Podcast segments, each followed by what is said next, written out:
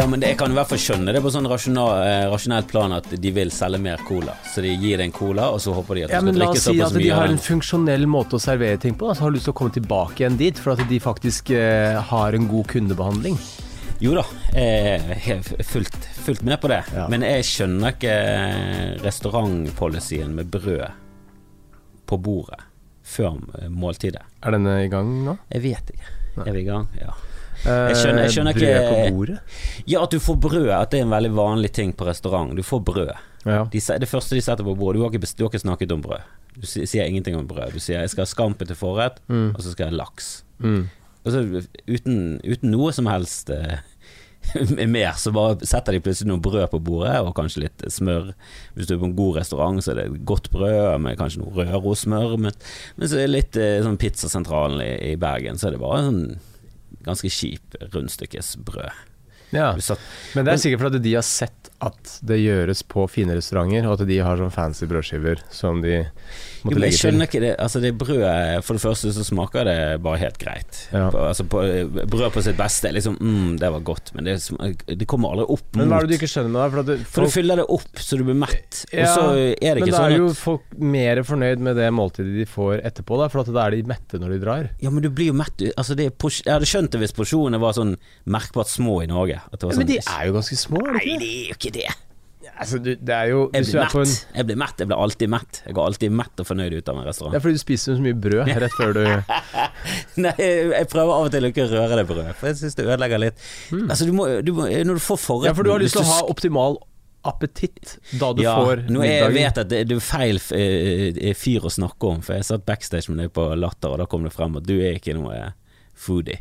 Nei, nei, nei, jeg bryr meg null om mat. Det, er, det er veldig rart. Det er litt som å møte folk uten luktesans. Jeg visste ikke at det fantes eh, Nei, første gang jeg traff på du er, du er opptatt av restauranter. Å, der kom en ny restaurant der. Leser en anmeldelse om den, drar de, Nei, prøver menyen. Ole So er jo sånn. Han Jo, han er jo, prøver, han er jo enda verre enn meg. prøver menyer, liksom.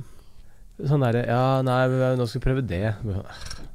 Ja, jeg hadde en liten ting, eh, og så- diskusjon med Ole So, komikeren og um, komikervenn. Ja. Sykepleier, regissør. Eh, og vi var litt sånn eh, hvem som var mest opptatt av mat, og da vant han den. For han var sånn Han sa det at hvis han spiste en middag, og den ikke var eh, Levde opp til hans eh, krav, da. Mm. At hvis han ble litt skuffet over middag, så gikk han og tenkte på middag helt til neste gang han spiste middag. Det jeg syns er gøyest med dette her, er at dere har hatt en diskusjon om hvem som er mest opptatt av mat. At Ja. dere faktisk krangler om det. Ja, for der du hadde tapt med Du hadde bare meldt Ja, ja, ut altså jeg, jeg taper Altså jeg ligger på uh, Du kunne laveste prosenten i Norge, tror jeg. Ja, du kunne kranglet med Lars Bærum om hvem som er minst interessert i mat, for han er samme type som deg. Ja. Han vil bare spise for å bli mett. ja, ja, ja. Nei, jeg bryr meg ingenting. jeg. Ja, du sa det, du kunne spise den samme matretten fem dager på rad. Ja, syv dager på rad. Det er- ja. Ikke bare kan det, jeg gjør det hele tiden.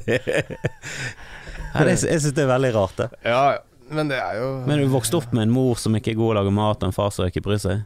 Nei, pappa var helt sykt god til å lage mat. Jeg trodde han var øh, Jeg trodde han var baker da jeg var liten, for han lagde brød. Hjemmebakt Og det var derfor du reagerte på denne brødgreien min. Du, altså, du Nei, jeg tror ikke han med det å gjøre, men øh, jeg husker øh, folk spurte i barnehagen hva gjør foreldrene dine, og mamma, jeg visste ikke hva noen av de drev med, så jeg bare sa at pappa var baker, for han bakte brød hjemme. Tenkte det, Da må han jo være baker, da. Ja, det er jo kun de som Altså det er de som lager brød. I alle fortellinger så er det ingen Ja. andre som toucher brød, uten bakeren som kommer med det. Nei, så uh, Mens mamma var vel ikke så interessert i å lage mat. Jeg husker en gang pappa var borte, og uh, vi uh, var mamma som skulle lage mat. Og da fikk vi vannmelon til middag. Det Det er så, det enkleste måltidet du kan tilberede. Det er å skjære opp en frukt. ja, men det er jo også et veldig lite næringshold i Ja, det er jo stort altså, sett vann. da. Ja, hvis du serverer det som middag eh, fem dager i uken, så, Nei, det var bare én dag. så blir du Men vi var så blir du vi. fort, eh. Var så blir du fort kvitt barna. du får ikke ha de barna lenge hvis det er middagen Nei, hele altså, vi, altså vi eh, Som sagt, det var bare én gang. Og det var også første Ja. gangen jeg spiste vannmelon. oh, Så eh, du satt der bare sånn Nå skjønner jeg hva de svarte snakker om. Hva? Det er jo en, en klisjé, en stereotyp, at svarte liker vannmeloner. Er det det? Har ikke du fått med deg det? Aldri hørt. Det er jo en veldig rar klisjé. Det er en sånn, eh, det er sånn rasistisk greie å si. At det er svart og det er vannmeloner, og så fried chicken. Og det er, jo de, det er jo de to tingene Jeg tror mesteparten av jordkloden må jo elske de tingene. Det er jo, hvem er det som ikke liker en vannmelon? Nei, jeg, eh, det får jeg. ja. Men jeg, de jeg har hørt som ikke liker vannmelon, liker det ikke pga. konsistensen. Ja, men det er jo for hvis de spiser en dårlig vannmelon. eh, En god vannmelon ja, ja, en soggy Ingen som liker det. Nei, Nei, nei, det, du, kan, du kan ikke komme med det i Harlem. Da blir du drept. Velkommen til podkasten Vi snakker om mat. Ja, det, jeg syns det er interessant det, at du har så lite forhold til mat. Ja. Altså Du har så lite forhold til mat, du har ikke fått med deg stereotypen at svarte liker vannmelon. Det er en greie i USA, spesielt i USA. Og Hmm. Kool-Aid. Alle de tre tingene elsker jeg. Kanskje jeg er svart, jeg vet ikke. Ja. Nei, men eh, Kool-Aid har jeg aldri smakt. Vet ikke om du hadde vært her på Kool-Aiden. Det er veldig mye sukker i. Ja. Du virker mer som en sånn Men du er en sånn Urge-type. Du drikker Nei, nei, Urge. nei, det er Vidar Hodnekom. Ikke sett meg i samme bås som han Stril der. Har ikke Urge i fana. Det er- Her går det i rød Nei, cola. Jeg greit, greit, rød cola. Urge ser ut som utvannet snott. Jeg gidder ikke å drikke utvannet snott. Hmm. Smaker ikke det, da, men eh, nei, nei, nei. Urge. Motstander. Ja. Jeg var aldri med i den gruppen vi ville ha Urge på 1,5 liters flaske. Nei. Jeg ville helst ikke ha Urge i butikken.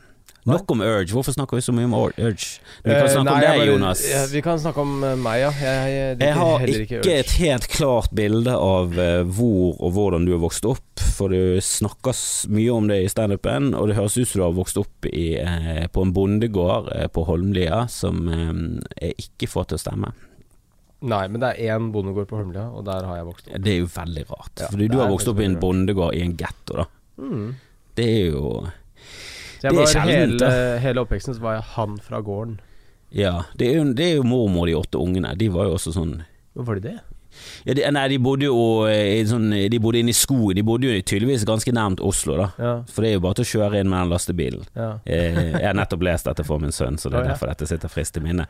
Men de har liksom funnet seg en bolig rett utenfor Oslo som ligger i skauen. Så Det er liksom skog. Uh, ja, okay. Det er masse skog rundt deg. Og jeg tipper at hvis du eh, med, ja, eh, med hvordan byen har vokst, så er jeg sikker på at den lille stugo som de vokste opp i, ligger, liksom i et sånn blokkområde Ja. nå. ja, men jeg lurer på om det var litt sånn i Oslo før i tida. At det var litt sånn gårder i, i bynære områder, da. Som nå har blitt slukt opp av drabantbyer og sånne ting. Men eh, på Holmlia så bodde det Eller så var det Det var noen gårder som ble eh, lagt ned. Den gården som jeg vokste opp på, besto, og så lagde de en drabantby rundt.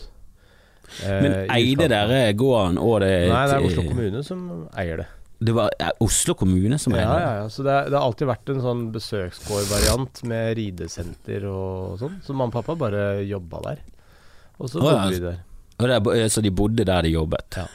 Men hva gjorde de der, da? Det er et fritidssenter med, med rideskole og Altså miljøsenter for ungdom, da. Tilbud for ungdom på Holmlia. Du vokste opp på en ungdomsklubb da, nærmest? Det er helt riktig. Men var, var du populær da i, i nabolaget? Jeg var populær fram til eh, femte klasse. Og så var jeg ikke populær lenger. Var, var det noe spesifikt som skjedde, eller? og, eh, Bommet du på første skoledag etter sommerferie med et eller annet? Nei, altså det, det, det går på um, Altså, det er nok mange faktorer som spiller inn, men jeg var vel uh, litt, uh, litt sær, var jeg. Hadde særinteresser og sånn. Jeg var ikke interessert i spill, jeg var ikke interessert i sport. Jeg var interessert Jeg var interessert i krypdyr og Ja, stort sett det. Krypdyr og amfibier. Bare, bare det, ja. For jeg, jeg var også opptatt av eh, i hvert fall insekter og sånn. så det var spennende. å fange fanget de på sånne glass og lagde sånne Ja, nei, så jeg Små var litt annerledes, og så blir det forsterka av at jeg har en eneste fra gård. Og så var heller ikke noe sånn eh, Altså, vi hadde ikke noe penger. Ikke, egentlig ingen på Holmlia hadde noe særlig penger, men jeg var ikke noe opptatt av å kle meg i sånn eh, Chicago Bulls-klær og sånt. Og det fikk jeg jo ikke hjemme heller, så jeg, jeg gikk nok litt snodig kledd, hadde litt rare interesser og var fra gård. Da blir du fort han fra gården som ingen egentlig bør leke med. Ja, jeg Um, syns gård holder i massevis. Ja, det holder ikke, massevis, det er. I hvert fall i et sånt område der ingen kommer fra gård. Jeg Mm. kommer jo fra langt ute i Fana der det var bondegårder, og kom du fra gård Ja. Ingen som likte det. Nei, nei. nei så, det, eh, så det var jo rart, da. Og eh, særlig når det er på Holmlia hvor det ikke finnes noen andre gårder, og ingen som bor på Holmlia har eh, på en måte hørt om eller kjenner noen som bor på gård, annet enn meg, da. Men meg skulle man jo ikke leke med, for det var Det betydde ulykke. Ja, det, men det hørtes ut som en ganske grusom eh, Nei, det var ikke barndom. så jævlig, altså. Eller brydde hadde... du deg veldig lite og Hæ? Du virker ikke som en fyr som bryr deg sånn nevneverdig så veldig mye om hva andre syns om det, da. Å, du, jeg brydde meg så sykt mye. Ok, Ja ja, helt vanvittig. men da Altså, det- burde det vært forferdelig. Ja, til dels så var det forferdelig, ja. ja det, det, jeg sa jo nettopp det må jo ha vært forferdelig. Så Ja, var det sånn, forferdelig, Nei, ja. gjør det så mye, da. Men jeg, bare- jeg tenker det andre har hatt verre oppvekster enn meg, liksom. Men, Jo da, eh, men vi kan ikke begynne å sammenligne alt Nei, med det er holocaust til slutt. Ok, Jeg syns det var kjipt, da. Men jeg, alle har jo hatt en kjip oppvekst. Har du hatt en helt topp oppvekst? Jeg har ikke hatt det så veldig forferdelig. Nei. Eh, altså, og det er selvfølgelig du, Det er jo fordi du sammenligner med andre, det var sikkert kjipe, men eh, sånn alt i alt eh, i hvert fall terningkast fem. Kanskje oppe på en sekser. Når Ja. kommet sånn letthet og at jeg hadde det ganske godt med gode foreldre. Ja. ja, men jeg også hadde helt sånn sinnssykt bra foreldre og godt Men jeg var liksom veldig normal, bodde- jeg for jeg var liksom på, i en situasjon hvor jeg på en måte var et rart dyr. Som hadde veldig bra foreldre, men foreldrene mine var også rare dyr. Sånn at eh, jeg var eh, liksom det eneste dyret i dyrehagen, på en måte. Eh, men, ja, men jeg var veldig normal, og selv om jeg hadde litt sånn nerdete interesser som Dungeons and Dragons og sånne ting, og Ja, jeg var litt i, den da hadde du den sånne interesser, da finner du folk som har sånne Eh, interesser. og så sang jeg kor og spilte fotball. Altså jeg gjorde veldig mye forskjellig jeg egentlig kunne lett gjort meg til en som ble mobbet. da, For jeg var litt eh, utenfor egentlig alle kretsene jeg var i, men jeg ga egentlig totalt faen i hva egentlig andre egentlig syns om meg. Mm. Så jeg tror jeg skinte så mye gjennom at ingen gadd å mobbe. Det er ingen vits i å mobbe en som ikke bryr seg. Nei, og det er jo et altså, Men det høres ikke ut som du har blitt mobbet, det høres bare ut som du har vært litt utenfor. Nei, jeg blei litt mobba, Du har altså. blitt mobbet, og dette blir jo bare mer og eh, mer trist, Jonas. ehm, Hvor ender dette sånn innleggelse til ja, slutt? Nei, det var ikke så gøy, jeg må innrømme det. Men um, Nei, og så kom han seg gjennom uh, ungdomsskolen og videregående. Så det varte hele der, ja. Ja. Herregud. Det er Det er ikke rart man blir komiker til slutt, da. Nei, er det, tror du det er derfor du er komiker? begynte Ja, ja, å bruke humor som Ja, ja, ja. eh, forsvarsmekanisme? Nei, ikke Ja, det. se på denne altså, frosken her, du. Bruker det ikke Nei, for at jeg var aldri noe gøyal på skolen. Da holdt jeg kjeft. Det var det beste. Beste taktikken. Hold kjeft, så slipper du Ja, ikke Å få stikke, noe- ikke stikke det frem. Nei. Ikke, Ehm, så jeg tror nok det komikergreiene kommer av en sånn kontinuerlig analyse av omgivelsene mine for å se hvem som var på innsida, hvem som var på utsida. Hva er det som skal til for å få folk til å le? Du så liksom noen sa noe gøy der borte. Ok, da lo den. Den lo så høyt av det. Altså Det var sånn mattestykke for meg å observere omgivelsene. ja, men jeg tror det spiller veldig mye inn. Eh, Jeg tror det har mye å si for eh, komikere. Jeg tror eh, ofte det med at du skal ha hatt en sånn røff oppvekst eller et hull i sjelen eller altså, Det er Ja. veldig mange som snakker om det, da, at det er liksom feilvare. Du har en eller annen Ja, det er en eller annen form for feilvare. Og så er det forskjellige Ja, men typer ikke bare det. Jeg, jeg tror det er at du på en måte eh, blir litt utenfor, så du ser Altså du sitter og analyserer av samfunnet. Mm. At du er veldig sånn utenfra og inn. Ja da, så veldig observatør der. Og så eh, er det også et eh, enormt behov for å bli akseptert og inkludert. Og det behovet, når det er på en måte laget grunnlag for det behovet i så stor grad liksom sånn, i oppveksten, så, så vil den, det behovet aldri bli få nok, da. Det er sånn larven aldri mett på og det er ikke nødvendigvis oppmerksomhet, men aksept. Så bare det å bli invitert til podkasten din nå, er sånn Ja, nå, det, det var riktig. Det, nå har jeg gjort noe riktig. Men prøver du å si at uh, du som den larven har vært i en sånn uh, puppe, og nå har du kommet ut som en vakker sommerfugl? Ja, Litt, ja. som lege og Men som komiker bare med fortsetter å suksess. ete. Det, det som skjer etter at boken er sluttet, er at den sommerfuglen bare går rett til man begynner å spise, Ja, spise, spise. Tjukk- Tjukk sommerfugl som så vidt jeg klarer å lette.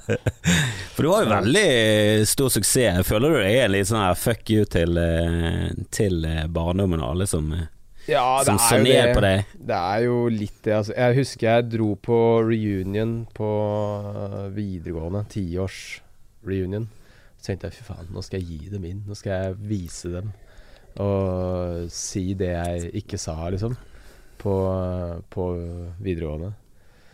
Jeg husker jeg var sånn sint. Jeg satt i taxi til den derre um, reunion. Og så, og så tenkte jeg hmm, Det er ikke sikkert de prøvde å være kjipe. Og Det er ikke sikkert at de visste at de var kjipe. Altså bare sånn der, hvor, hvor smart er man når man går på videregående? Jeg tror sikkert mange av de bare tenkte seg det som Ja, det jo han litt rare. Ja. Snakket ikke så mye med han. Ja, og så eh, Gjorde ingenting dårlig mot han. Nei, også, ja, altså, det var jo noen som gjorde noe dårlig innimellom, men det var jo ikke flertallet. Og, og det at en måte, man føler seg ekskludert, det Altså det er vanskelig å ta et ansvar når du er sånn 16-17-18. Uh, for Det er jo, det er jo mulig, utskudd. men Det eh, er det er mulig, få men- som eh, det er, Da Ja. er du en veldig flott person, hvis du Ja, det er ikke Du skal ikke allerede eh, regne med at det skjer. Men så tenkte jeg Nei, antagelig er det jo bare hyggelige folk som uh, Som jeg tilfeldigvis ikke passa så godt sammen med. Og så bestemte jeg meg for å droppe å være sint på den reunion, og så hadde jeg det selvfølgelig kjempehyggelig. Og Ja. alle var jo dødstrivelige. Jeg trodde du skulle eh, ende med at det, det endte med sånn mobbering. ja. Hvor, uh... Bonden, bonden, så var de fortsatt kjipe folk, og du var ekskludert. Men hadde du sånne, da du var liten, bare sånn for å gå, spole litt tilbake igjen, uh, hadde du sånne fantasihistorier som du bygde for deg sjøl, hvor du banka alle i klassen? Nei. Nei, det hadde jeg. Nei, det hadde jeg ikke i det hele tatt.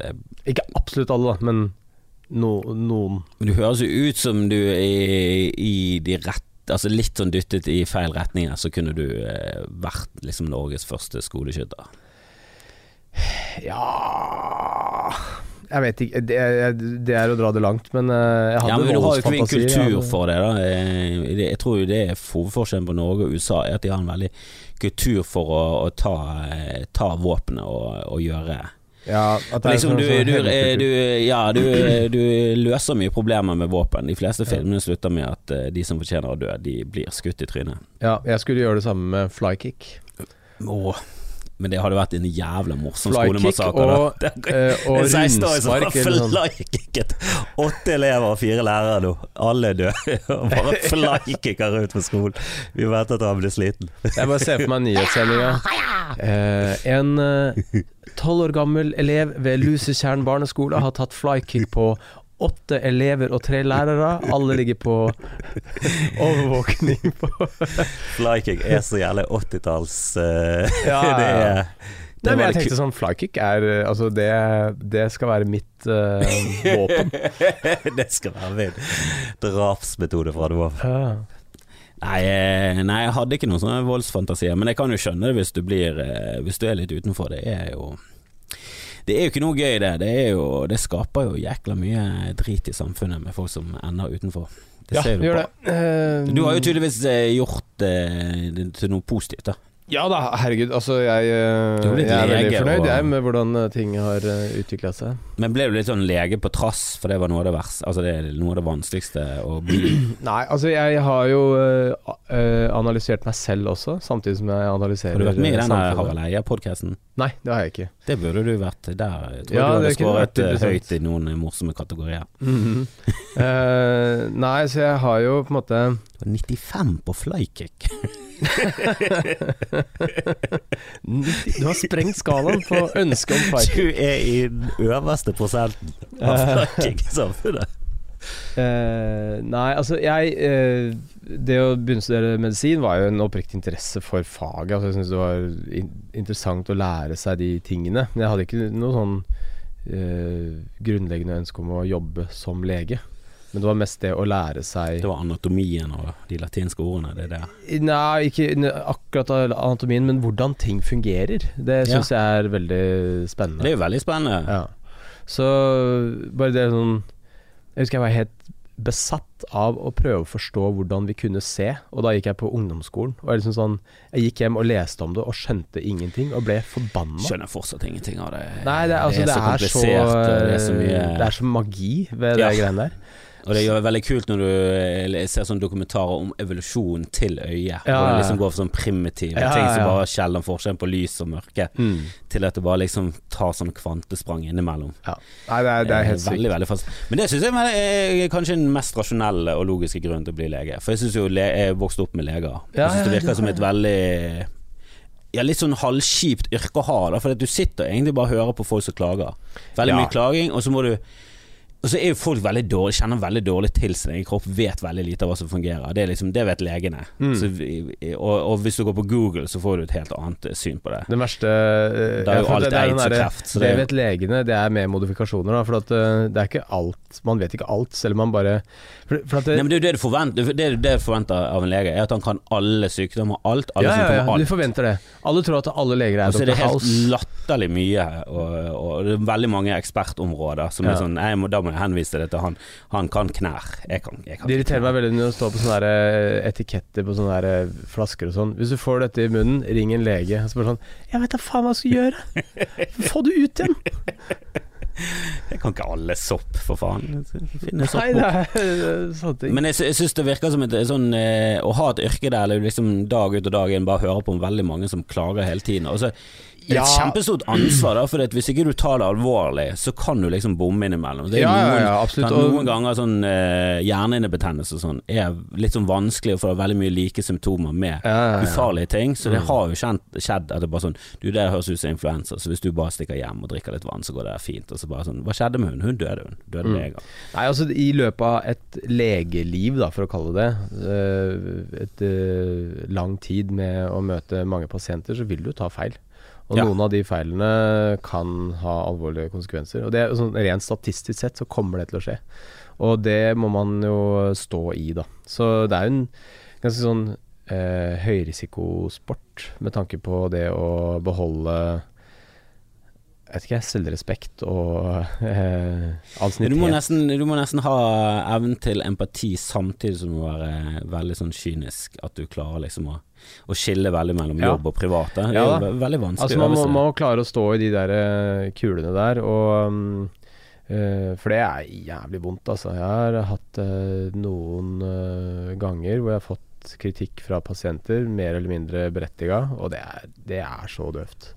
Sånn at um, Noen ganger så tenker jeg at den derre kunstige statusen som leger har, eh, som er sånn derre sånn, Å, lege, å, å, så flott og greier. Den er fortjent fordi at det er så jævlig vondt når eh, ting eh, går til helvete. Det er jo et veldig viktig yrke, da. Og jeg vil jo, i, i den situasjonen verden er i nå, så er det kanskje det yrket som kanskje fører til vår undergang. For det, all denne reddingen av liv går jo, går jo veldig på bekostning av ressursene til jorden. det, det er Så- ikke en annen retning enn jeg trodde det skulle så alt i alt, hvis du ser på menneskeheten, frem til vi ikke hadde leger, så gikk det veldig bra. Vi brukte lite ressurser. Ja, ja, Vi døde, og vi utviklet oss hele tiden. Med en gang vi fikk leger, spesielt etter vi fant penicillin og andre antibiotika, Mm. så overlevde jo i, i en helt annen grad enn det vi gjorde før. For da luket vi ut alle svakheter. Ja, altså du mener at eh, Alexander Flemming, som eh, oppfant uh, Oppfant han, eller oppdaget. han snublet. Ja, snublet over over. antibiotika, Ja. heldigvis. han, tok ansvar. han har ansvaret for uh, altså befolkningsproblemet som vi har nå. Ja, egentlig. Veldig direkte, ja. Ja. Før så døde jo latterlig mange barn. Og i, i van, jeg har lest at i, i vanlige sånn naturlige barnefødsler fordi at vi er så dumme at vi har reist oss opp, så, og he, kroppen henger ikke med. da Så Mm. hoften og sånn er ikke utviklet for å egentlig gå oppreist. Nei, det for eh, ryggen. eh, så veldig mye ryggproblemer og sånn, men også fødsler blir mye verre. Ja. Og at vi har så store hoder når vi føder. ja. Eh, fører ut at eh, omtrent 25 av kvinner dør, eller 20 dør i vanlig naturlig barnedød. Altså barnefødsler, da. ja, ja, ja. Eh, som er latterlig. Det er én av fem. Mm. Så eh, vi skal jo Vi er jo ment for å dø mye mer enn vi gjør. Og nå er- jeg, jeg lever i en helt Og jeg syns jo det er kjempeflott. For det, før i tiden var det sånn hvis du gikk i skogen og så falt du, og så skrubbet du på en stein, og hvis det var liksom et dypt sår, Ja, så kunne du så var det liksom sånn uh, Ja. ja. nå får vi bare se hvordan dette går, men uh, Ja, altså, du vet jo hvordan det gikk med onkel Ja. og, og, Verketå var jo et ja. alvorlig problem, liksom. alt. Lungebetennelse, ja, ja. det var dødsdom, det. Eh, og det var ikke bare sånn tuberkulose og sånn, det var liksom eh, helt ned til eh, Ja, helt ned til influensa Mm. er det livsfarlig. Mm. Eh, så Nei, kanskje ikke influensa, det, men eh, influensa er vel noe av det som dreper mest fordi at de tar de svake, Ja. gamle. Det er sant. Eh, sånn det, folk dør jo ikke av alderdom, de dør av en eller annen sykdom til slutt. Ja. Det er Eh, no, noe tar det. Ja, det er et eller annet, men det blir bare mer og mer tullete. Til slutt så er det sånn Nei, det var et støvkorn for mye. Det ble for mye Det ble for mye for tante, hun orket ikke det. Ja. Eh, men ja, det er en av mine teorier om at leger egentlig eh, i sånn evolusjonsmessig og um, i, i, i, i, lange eh, perspektiver eh, Nei, jeg har ikke fått det til å bli skikkelig Jeg mangler litt punchliner her. Ja. Det er litt mer som podkastmateriale. Ja. Men jeg syns det er et gøy, gøy tankeeksperiment. da Mm.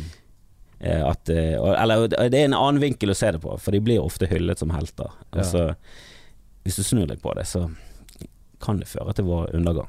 Jo, jo, absolutt. Altså, det vil jo all, all form for teknologi har jo eh, som er med på å gjøre eh, livet til menneskene bedre. Altså Fritz Haber, da, som er eh, oppfinneren av eh, Eller opp, jo, det er en oppfinnelse, faktisk. Måten å lage kunstgjødsel på, som har revolusjonert Ja. jordbruket.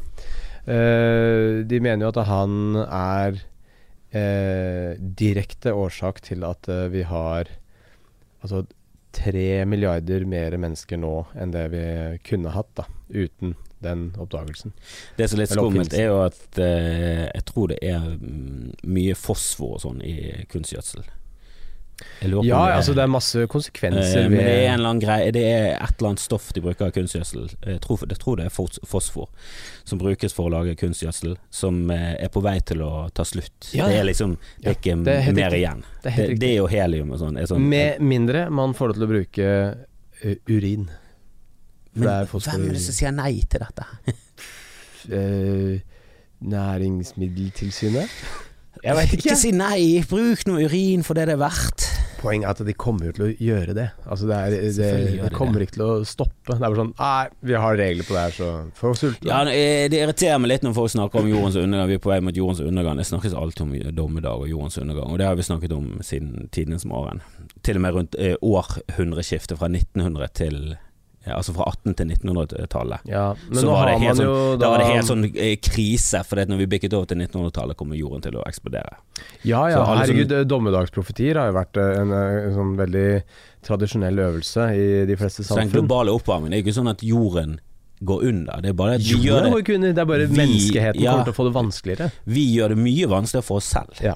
Altså Vi kommer til å få det mye kjipere. Altså Jorda gir totalt faen, og vi liv kommer til å jorden, hvis vi utsletter alt liv på landjorden med atombomber, så går det omtrent 200 000 år. Så Vi er det eh, det på vei tilbake eh, igjen med nye arter. Kjempespennende. under Manhattan-prosjektet, hvor de eh, da skulle lage den første atombomben, så var det jo da mange var det? Sånn eh, 10-15 eh, forskere som satt og var nerder rundt uh, dette greiene her. Og så var det en som foreslo muligheten for at så mye energi som en atombombe vil da utvikle, er det da mulig at atmosfæren tar fyr?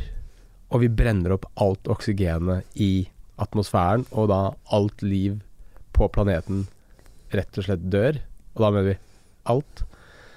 Og så var det de andre bare sånn Hm. Ja, det er ikke umulig.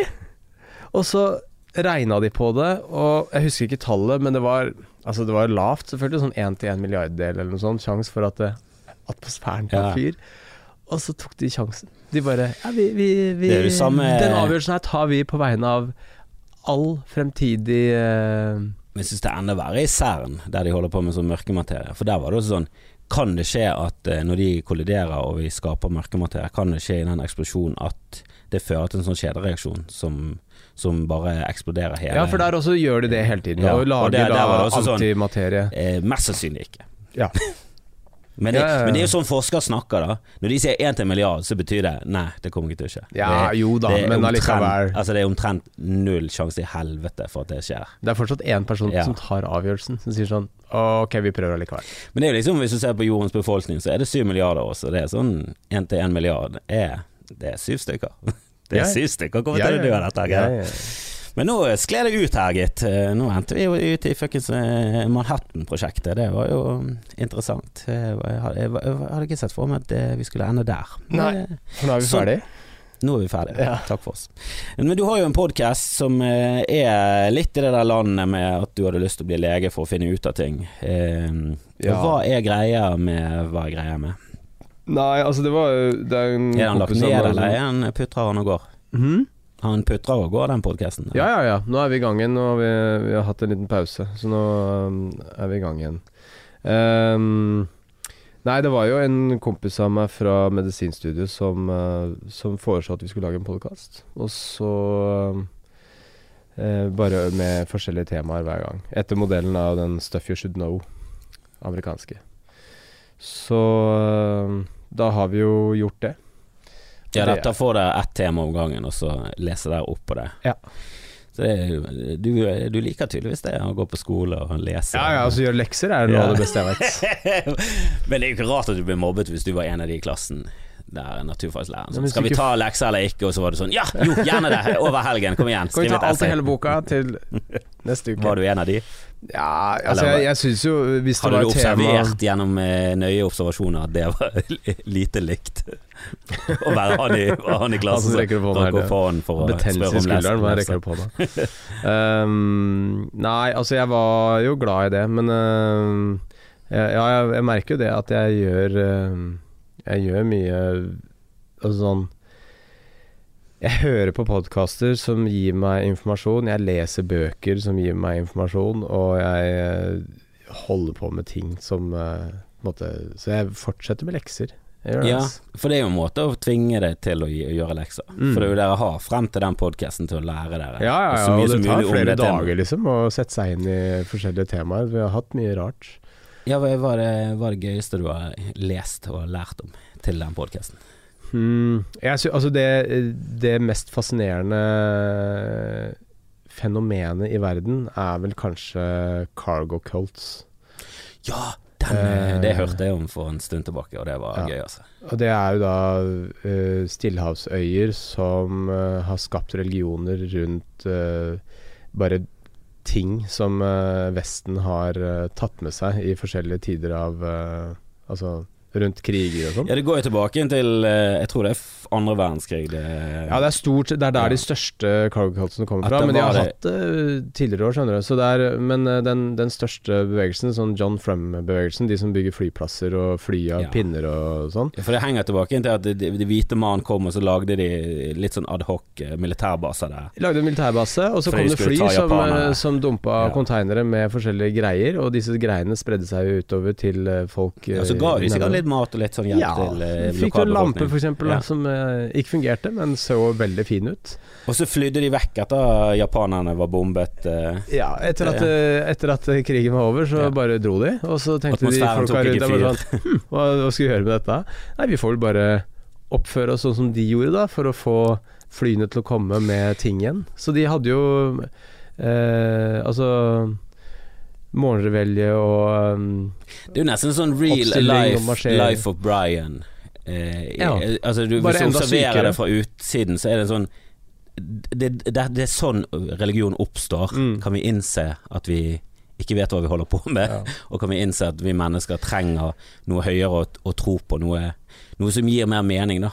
Det er veldig rart, for i den eh, John Frum-bevegelsen, og de er jo ganske opplyste Eller prins Philip-bevegelsen er jo den, eh, den Ja, de råeste, ser de som som sånn tilber prins Philip. Som er det beviselig mest ubrukelige mennesket i hele den, i hvert fall Ja, britiske de- monarkiet. de er Kanskje i monarkiet generelt. Han er Det oppe og var jo- fighter med den svenske kongen. Tre av de gutta fra Vanuatu som dro til, uh, Jeg har sett dokumentaren. til England og hilste på prins Philip, og så kommer de tilbake igjen og så sier de sånn Ja, eh, det er jo mange her som mener at han ikke eksisterer, men jeg har møtt han. Jeg vet at han fins. Ja. De ser på han som en sånn mytisk gud. For Ja. han var der nede for lenge, lenge siden. Ja, var der er- på 60-tallet en gang. Ja, og han er vel fra Jeg tror han er fra New Zealand, eller han er fra, Mm. eh, fra den delen av verden. Ja. Så han har jo en eller annen tilknytning der. Mm. Men han er jo sånn eh, Det er jo sånn topp ti dusteting han har gjort. Du kan google det til. eh, Han, er, han har bare sånn sinnssykt mange flotte sitater. Ja, så, sånn er sånn- kunstutstilling, så står han og ser på sånn eh, Står og ser på noe han tror er med i kunstutstillingen, da. Oh, ja. Og skryter veldig, da. Står og snakker med en som er ansatt der, og så bare sier han som er ansatt der Du, det er brannslukkingsapparat. altså, det, det er så, sånne ting hele tiden. Det bare sier Han det. Ja, det er samtidig som sinnssvak rasisme. Men han ja, var jo veldig, veldig rasist. Rasistisk. Mm. Og eh, ja, han er jo i adelen. Ja. Jo, jo, men uh... før, Han er jo såpass gammel at han var en del av adelen før andre verdenskrig. For å si sånn, han uh, og adelen i England likte Hitler veldig, Fikk- helt til de ble angrepet. Ja. Nei, altså han fikk aldri det memoet på at man omjusterte eh, den rasismen etter annen verdenskrig. Det er liksom ikke Problemet er ikke at han sier neger og ikke svart. Det, Nei, nei, nei, nei det er langt verre enn det det. at han hater Mm, svart. Ja. Det er det som, der, der problemet ligger. Nei, Han virker som en ganske eh, dårlig menneske, da. Ja. Nei, så vi har den podkasten, ja. Ja. Jo, men det er litt gøy det å lære seg ting. Jeg Ja. føler jeg er litt svak på det området der, at jeg er litt for lat eh, på å se Sånn, bare det å se en dokumentar syns jeg ofte tar litt eh, det, det, det gjør det enda mer misantropisk og um, jeg er lite positiv til hele verden eh, hver gang jeg ser en dokumentar. For de fleste, ni av ti dokumentarer handler om et eller annet grusomt. ja En eller annen det- urettferdighet, eller et eller annet dumt vi gjør, da. Ja, og det er jo selvfølgelig poenget med dokumentar nå, for det er en person som har lagd ja, om et stort problem, da. Ja, men, men det blir jo ofte litt sånn delt, da. Sånn at eh, dokumentarer er jo først og fremst underholdning. Ja, de er litt forvinklet Ja, i de fleste tilfeller. så eh, sånn sett så er det eh, Det er jo alltid gøy med dokumentarer, men man skal være litt sånn skeptisk til eh, innholdet, for den er jo laga sånn av en grunn. Ja, jeg så Forks Over Knives, eh, som handler om at vi bør legge om til vegansk eh, nå, da. Ja. Eh, og hvis ikke alle gjør det med en gang, så, Så dør alle. fuck alt. Ja. Eh, og den Cowspiracy, for Ja, eksempel, er jo også ja, de bøkene Cowspiracy, som altså det er sånn ja, de slenger ofte sånne tall som bare er Du, du har ingen forhold til det. Når det er sånn, vet du hvor mye kilo biff, vet du hvor mye vann de bruker? Og så sånn, Det er 12 000 gallons, du kan fylle fire svømmebasseng. Og så bare sånn Ja, det, jeg vet det, det regner vel, da. Jeg vet da faen. Hva, hva skjer egentlig? Hva- skal vi bruke det? Hvor skulle dette vannet gått? Jeg vet ingenting. Jeg vet ikke hva dette har å si. Er det Ja, vann i gress? Jeg vet ikke, jeg vet ikke noe om Jeg skjønner ingenting. Jeg syns det hørtes veldig mye ut, men ja. Mm. Eh, jeg skal prøve å kutte ned litt på kjøttforbruket. Nei, altså, man eh, får eh, ikke nødvendigvis eh, nyttig og riktig kunnskap av dokumentarer. Det har jeg fått med meg etter hvert. Sånn at eh, hvis uh, man er i en diskusjon med noen, og de liksom sånn Ja, men uh, jeg har sett uh, Oh my god, GMO. Eh, Ja. Så stemmer ikke det som er i den dokumentaren, f.eks. Nei, for det er ofte veldig mange av de er nesten sånn i samme bås som sånn politisk sett og livssyn og sånn. Så, så syns jeg ofte jeg, Jeg føler at det er veldig mot, mot midten da i den gruppen. Eller litt på høyresiden av den venstresiden. Ja. Fordi det de, går for langt med det at du skal ikke drikke lettbrus, for da får du kreft. Og det er en eller annen konspirasjon der. Eh, Ja, altså, det er mye bruke- konspirasjonsteori, ja, rett og slett, Monsanto er liksom djevelen ja. Mm. og alt det. Og det er sånn, ja greit nok, de har en ganske aggressiv business policy, eh, og noen ganger så syns jeg de tråkker veldig over eh, grensene på hvor mye de utnytter sin eh, makt, da. Ja, ja, Men vil altså, ikke si eh, at GMO i seg selv er en eh, ondskapsfull ting. Nei.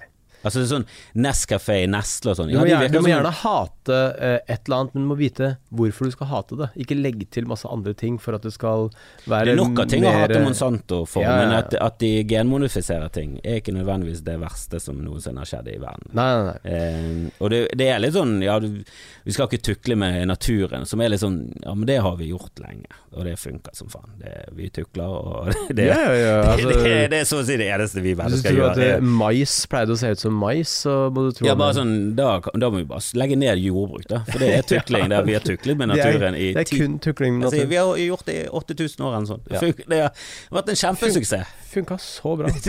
Penicillin, alt det der. Masse tukling. Det, det, vi tukler hele tiden. Ja. Og folk er så redd for E-stoffer. Det er sånn men E-stoffet i seg selv er ikke kunstig. Eh, det, mye av det kommer fra naturlige ting. Ja, hva er 620, det er vel oksygen? Altså det er jo Ja. um, Altså E-stoffet er bare et språk for Ja. å kunne bruke eh, begreper som er enklere enn det det stoffet egentlig heter.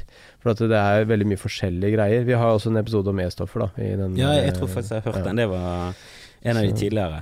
Så um, eh, Jeg husker liksom Ja. Da jeg vokste opp, så var det sånn her Nei, det er bare E-stoffet, det greiene der. Det er, det er ikke sunt. Og så var det sånn Ok, da tror du jo på det, da, for du er jo Ja, jeg visste ikke hva E-stoffer var. Og så blir man i det litt sånn Faen, hva er E-stoffer, egentlig? Og da er det gøy å finne ut av det greiene der. Vet du hva E står for? Eh, nei. Europa. Europastoff. Ja.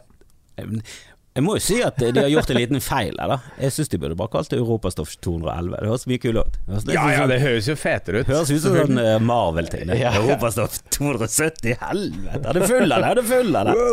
Har vi noen høyere? Hva sier de i USA, da? Sier de Europa? Er E-stoff der? da? mm, jeg lurer på det, ja. Det er jo et Europa. europeisk system. Europa ruler. Ja, ja. Ja, vi er så bra. Europa, Europa. Må ha litt mer sånn eh, europafascisme inn her i Ja, podkasten. ja. Eh, men jeg, jeg vil jo egentlig snakke litt om hvordan du ble komiker. Du har vært en outsider. Eh, men jeg ble jo kjent med det ganske tidlig når vi startet opp Steinar Bergen. Du var en av de første eh, som egentlig ble påprakket av eh, Standup Norge. De var litt sånn De var litt sånn keen på eh, Kan dere booke disse her? Ja. De er flinke, og de skal være med på sånn eh, eh, turné nå. Nykommerturné. Ja. Så det var liksom Sigrid, eh, det var Dag, det var deg og Nilsi. ja, vi var liksom eh, en Jeg følte at vi var en gjeng som starta samtidig, og på en Ja, veldig god generasjon, egentlig. Ja. Veldig sånn fin gjeng. Mye allsidig, da. Veldig forskjellige folk. Men, ja, ja, vi har eh, blitt veldig forskjellige komikere alle sammen, men vi, vi på en måte hadde samme, samme startperiode og uh, Nei, altså jeg begynte Jeg var og så standup, og så tenkte jeg dette her er jo Dette ligner veldig på noe jeg gjorde en gang på folkehøyskolen, hvor jeg holdt et foredrag en gang og fikk folk til å le, og tenkte bare Den følelsen av at folk ler, bare sånn Oi, det dette må jeg ha mer For det var intensjonelt at du ville at de skulle le? Det var ikke det at du prøvde liksom å overbevise dem? Nei, jeg prøvde å lage en parodi på et annet foredrag som hadde vært tidligere. Så jeg, eh, det var egentlig mest en protest på det forrige, som det var var en slags imitasjon, da? Ja, egentlig. Noe du har rakket ned på i, i Ja, senere tid? altså Imitasjoner i seg selv er ikke dårlig. Jeg bare syns ikke nødvendigvis det er gøy bare fordi det ligner. Det må jo på en måte være noe mer innhold der. Det er imponerende. ja. Altså Jeg mener jo at imitasjoner og parodier og sånne ting kan være veldig imponerende. Men det er også tresteg. Altså de hopper helt sjukt langt. Ja. Men jeg ler ikke. Jeg blir imponert. Kan le litt i sakte film hvis du Jo, ser ansiktsuttrykkene. Men ikke nok til at du klapper i hendene etterpå. Nei, jeg er enig med det. Jeg syns jo ofte at uh, de Altså, jeg sier jo det at jeg, jeg syns Kevin Vågenes er jævlig bra på tross av at han driver med noe som jeg vanligvis ikke liker så godt. Sånn Ja, men han og sånn. lager karakterer, så han ja, ja, men det er litt i samme, litt i samme land, da. Men at det, altså, det, er ikke, sånn- det er ikke nok å være en karakter, det må være et eller annet Ja, men Teksten og ideen må være god i tillegg, og jeg det syns, jeg er. syns da eh, eh, Aksel Hennie-parodien til Herman Flesvig er jævlig morsom fordi det ligner, og fordi han klarer å fremstille Aksel Hennie sånn jeg tror han er. Ja. Som er litt dusjete, liksom. Ja, det er veldig gøy. Ja, og det er kjempegøy. Men uh, hvis du bare ligner og er Eivind Hellstrøm og sier 'Jeg er ikke kokken din', så er ikke det gøy i seg selv. Det er bare sånn Å ja, du sier jo- det samme som Det han. har jo han sagt. Ja, han har sagt det. Og bare sånn Ja, det, det, det her gir meg ingenting. Du må, du må jo gi han noen egenskaper som jeg tror han har, så du bekrefter mine fordommer rundt Eivind Hellstrøm. Ja, eller da du, kan jeg le av du lager en gøy idé rundt Ja. Altså du lager en gøy sketsj Ja. der det er gøy, altså det, og det hjelper at han ene ligner på Hellstrøm. For jeg syns jo det er fiffig når folk klarer å Ja, ligne på en annen Det er, det er eh, liksom eh, spennende, men det er ikke ha-ha-gøy.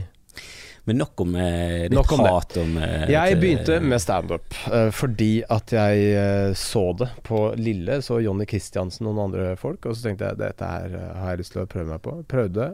Det gikk bra, heldigvis. Eh, og da blir du instant avhengig. Det er som eh, et skudd. Men hvordan tok du det fra å se Jonny Christiansen og, og showet og det f- f- komiker der eh, Jeg tok kontakt med Jonny rett Jeg sa til en kompis det der skal jeg gjøre. Så sa han ja, da gjør du det, da.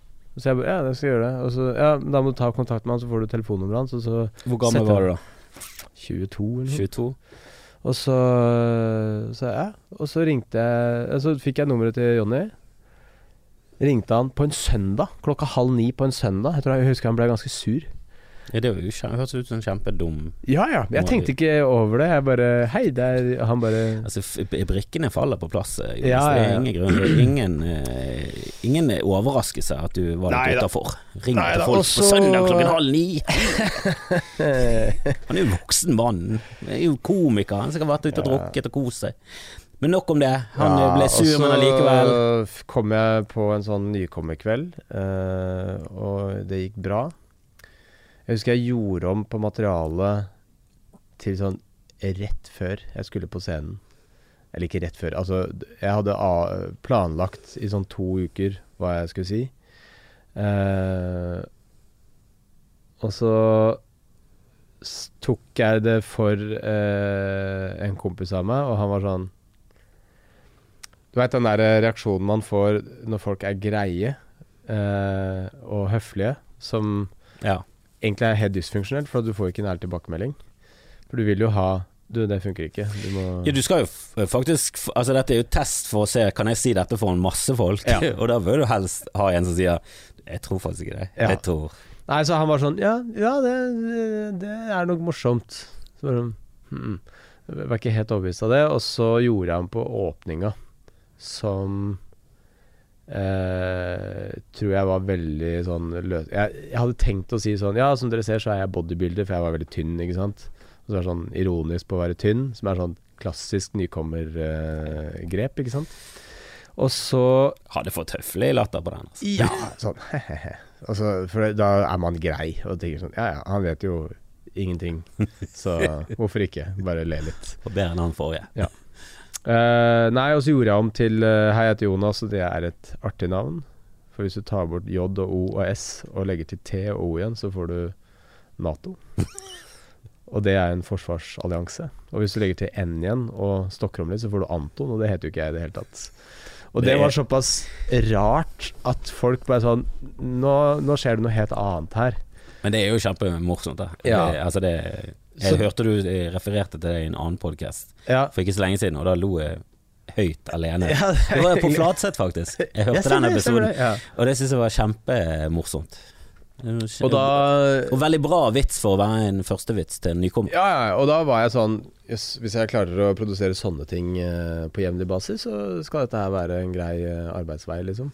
Men jeg tenkte jo ikke at det skulle være en jobb, da. Jeg, jeg, jeg, det begynte som en hobby, og så um, husker jeg jo fikk sånn 400 kroner i hånda etter Ja, en ja, det var cash på den tiden. Ja, ja. Så hadde jeg et glass på rommet mitt, eller på, på studenthybelen, da. Eh, hvor jeg som putta mine fuck you money.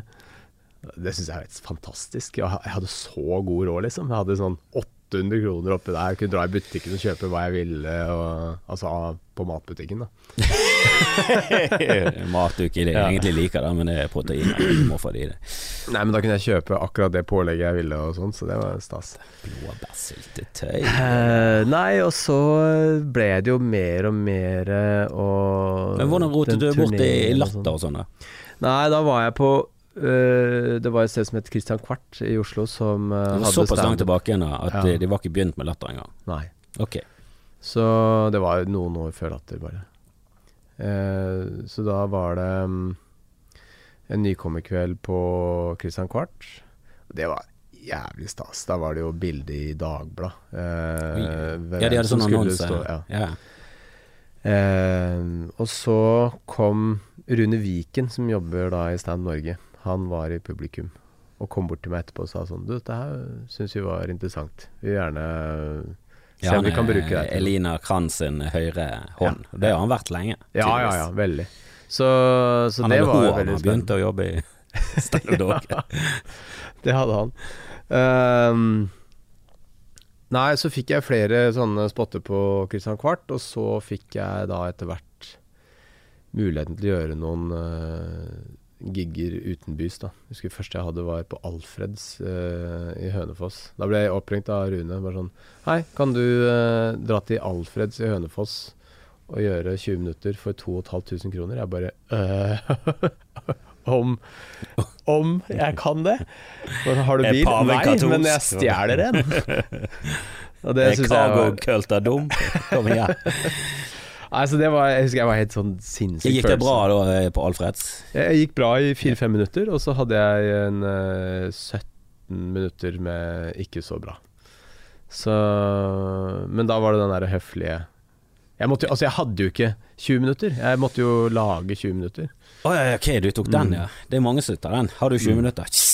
Jeg, Jeg- 20 minutter. Er paven katolsk? Altså du, du har allerede sagt den, Jonas.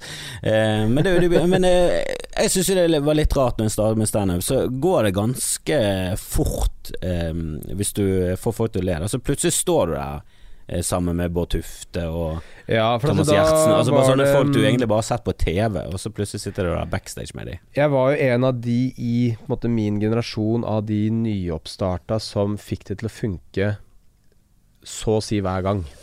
For Ikke var ganske sultefòret på nye folk, for det, det, da Ja. var liksom denne boomen på 90-tallet hadde liksom skapt et par eh, stjerner. Mm. Og de, det var liksom ikke kommet noe særlig ettervekst. Det var dere som var de første, føler jeg. Da, som, ja, som var som kom- Ja, som kom liksom etter Terje Sporsem og Ørjan Bure, var vel de siste. Og så Ja. var det ganske langt sprang et par år der. Ja, det var det. Og da var, hadde Feelgood med altså Thomas Giertsen lagde sånne der turneer før jul på store hus med svære navn. Altså Bård Tufte, Atle Antonsen, Harald Eia, Jon Almaas, sånne folk. Og så trengte de tre-fire eh, komikere som kunne være billige og funke. Eh, og da var jeg med på de turneene der ja, Anne Katt og det var, det var jævlig gøy. Altså, jeg følte meg helt konge, selv om eh, navnet mitt ikke sto på plakaten. Det sto 'med fler'. Jo da, men du har jeg, ja, jeg, jeg, jeg ser nå på deg som en ganske logisk person som eh, klarer å Altså Det er noe som eh, bikker litt over når, de, når sånne ting skjer. da Mm. At de blir sår på at de ikke Ja, ja, nei, jeg synes sånn- det, det var jo bare en helt sånn mulighet tydelig til å bare sånn Ja, men jeg, Sånn som nå, nå med Julegøy, det er jo Kevin Mm. Vågenes. Det showet kunne bare hett Kevin Vågenes Ja, ja. med venner. ja. Eh, Jeg, jeg innser jo hvor du Altså Noen ganger må du innse hvor du er igjen på, Mm. på popularitetsskalaen. Nei, altså Det skapte jo kjempeutgangspunkt for å lage en morsom vits på akkurat det. Ikke sant? Og det var det å være underdog og komme opp og overbevise.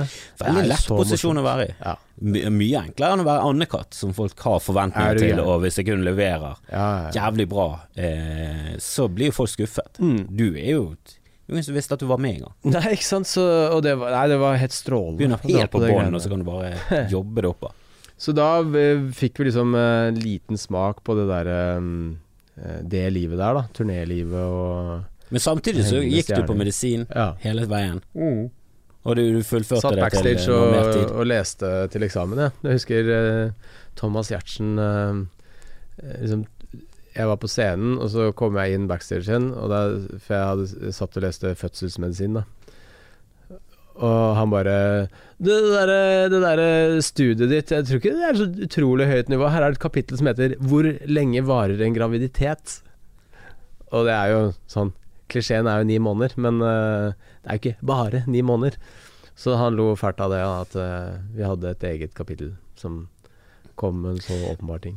Men når du, det har jeg lurt litt på, for det står alltid sånn Ja, elefantene går alltid gravid, eh, gravid i 22 uker, og eh, kenguruen er gravid i, ditten og datten.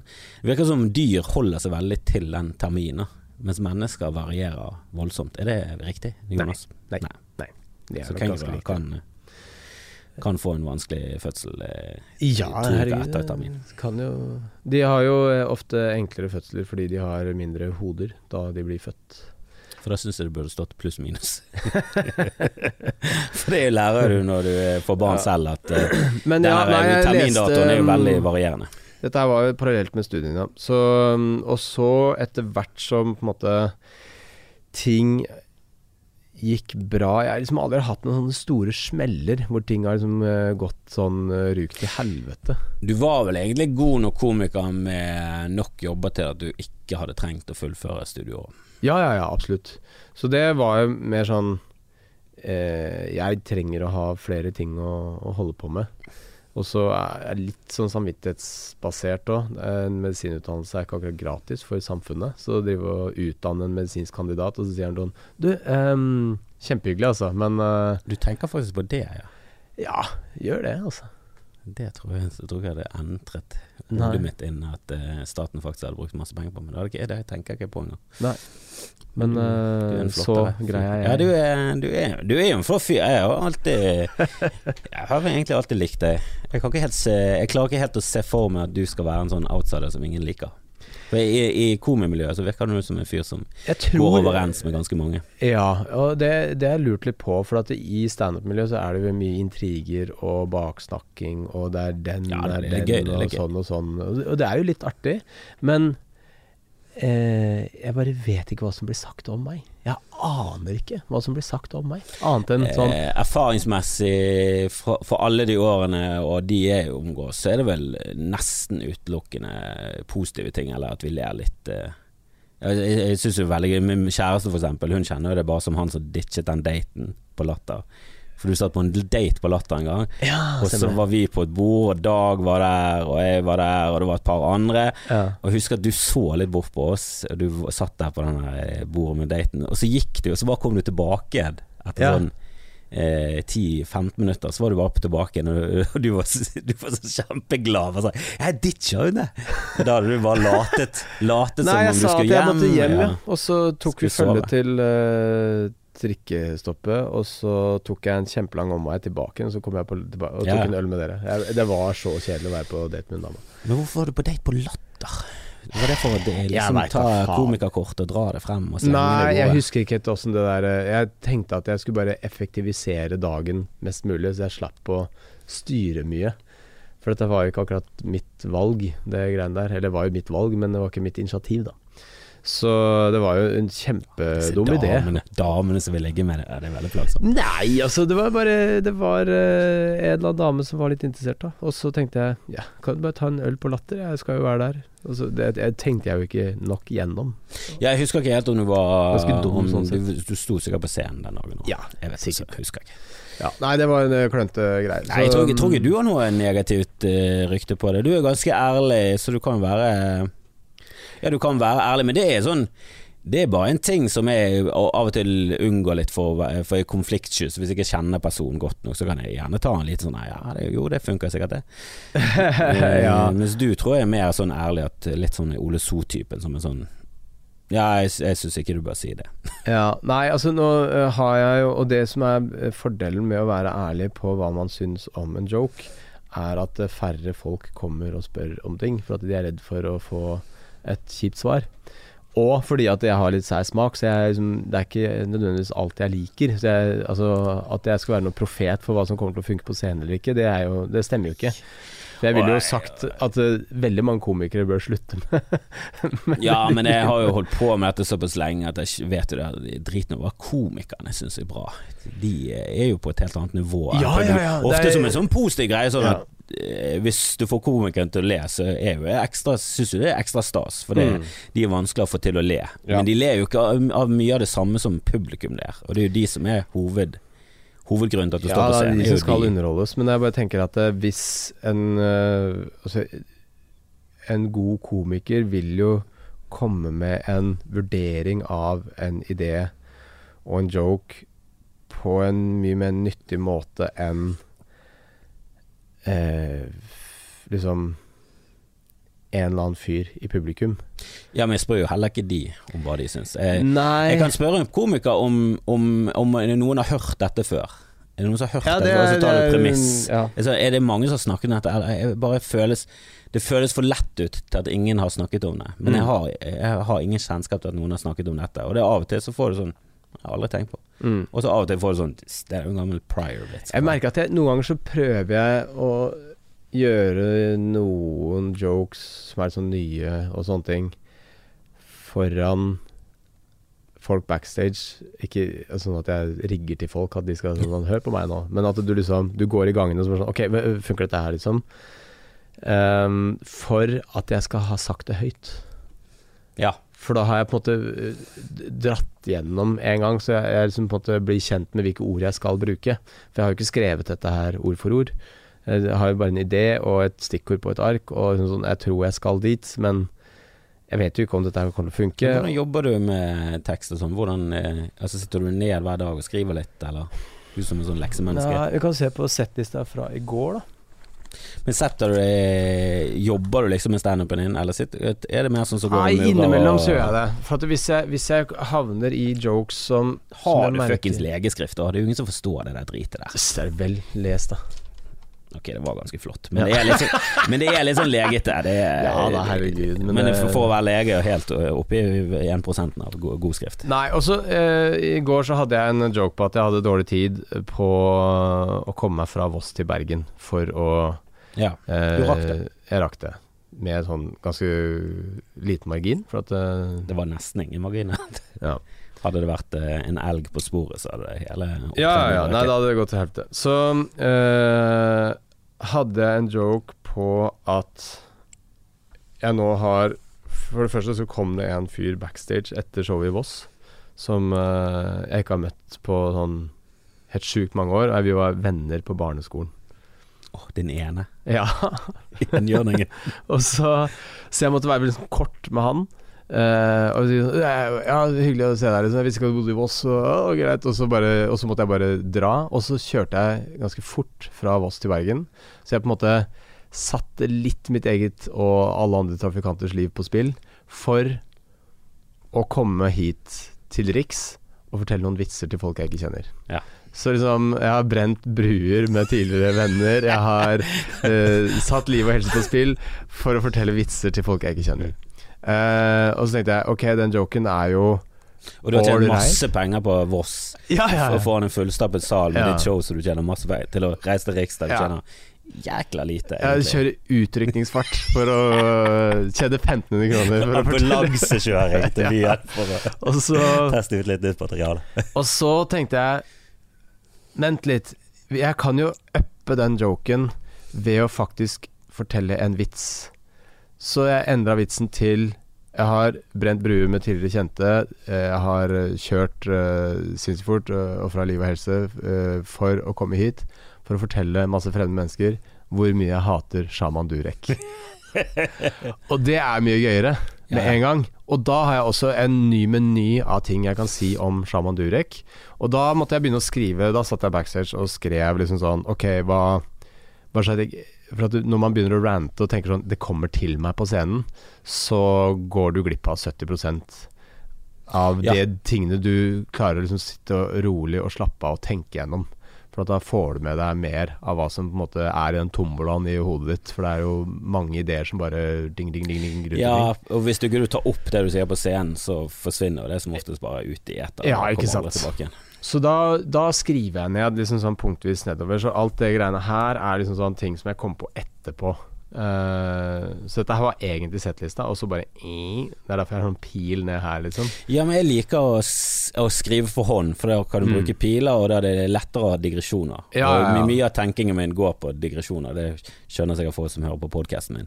Det er mye digresjoner, det går videre, videre, videre. videre. Og da er det, når du Så det er nesten bedre med tankekart ja, enn en, skriver en liste, liksom. Så, uh, så sånn jobber jeg, da. At jeg Og da blir jo det her noe. Og så tenker jeg neste gang jeg kanskje gjør den her, nå, da må jeg kjøre fra Voss til Bergen. Men finne en annen gig der, Ja. der det egentlig ikke er tid nok. Så eh, Så jeg skriver jo på en måte noe på papiret, men det meste foregår i huet, og så er det liksom et lite filter fra hodet til du sier det på scenen.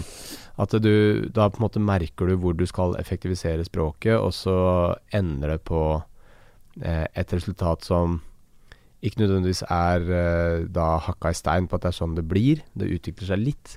Men jeg streber etter å liksom eh, ha et sluttprodukt som jeg kan bruke hver gang, og så vil det funke, da. For når du har showet ditt, eh, Mm.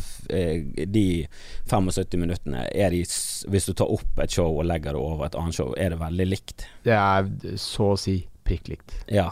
Ja. For det var litt overraskende med Louis CK i Bergen, at han, han utviklet vitsene, men Ja. han sa det på samme måte, men han tok kanskje vekk den eh, lille greien der, Ja. og så la han til en liten greie. Men eh, ordene han valgte, det var veldig Han hadde tydeligvis tenkt igjennom alle Ja, det er akkurat det. Og han har en stil som virker veldig sånn tilforlatelig når han prater. Du hører ikke nødvendigvis eh, konstruksjonen av starten og slutten på en vits. Nei, jo Eh, helt- på samme måte hvis du sammenligner med Jimmy Carr, da, som har sånn helt sjukt uh, åpenbare Jeg syns Seinfeld er et bedre eksempel, for Ja. Jimmy Carr er mer one-liner, men Seinfeld er veldig sånn nytt Du tema. hører at Mm. Ordene er valgt ut. Ja. Det høres veldig ut som han har skrevet en vits, Mm. eh, og det er ikke noe eh, til forkleinelse til for Jerry, jeg syns han er morsom, jeg. Men Ja, ja, eh, Louis C.K. ligger jo litt nærmere mitt hjerte. Bill Burr er litt mer Ja, for Louis C.K. er mer sånn Det høres ut som han resonnerer. At han, han står og, og på en måte snakker høyt fra tankene sine. Eh, og så får du lov til å være vitne til det.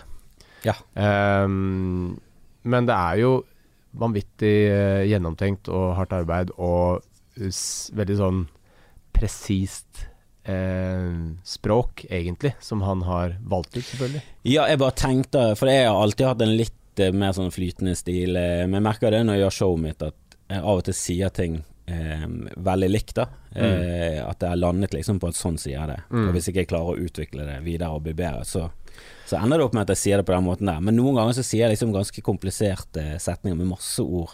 Ja. Eh, og veldig sånn perfekt, da.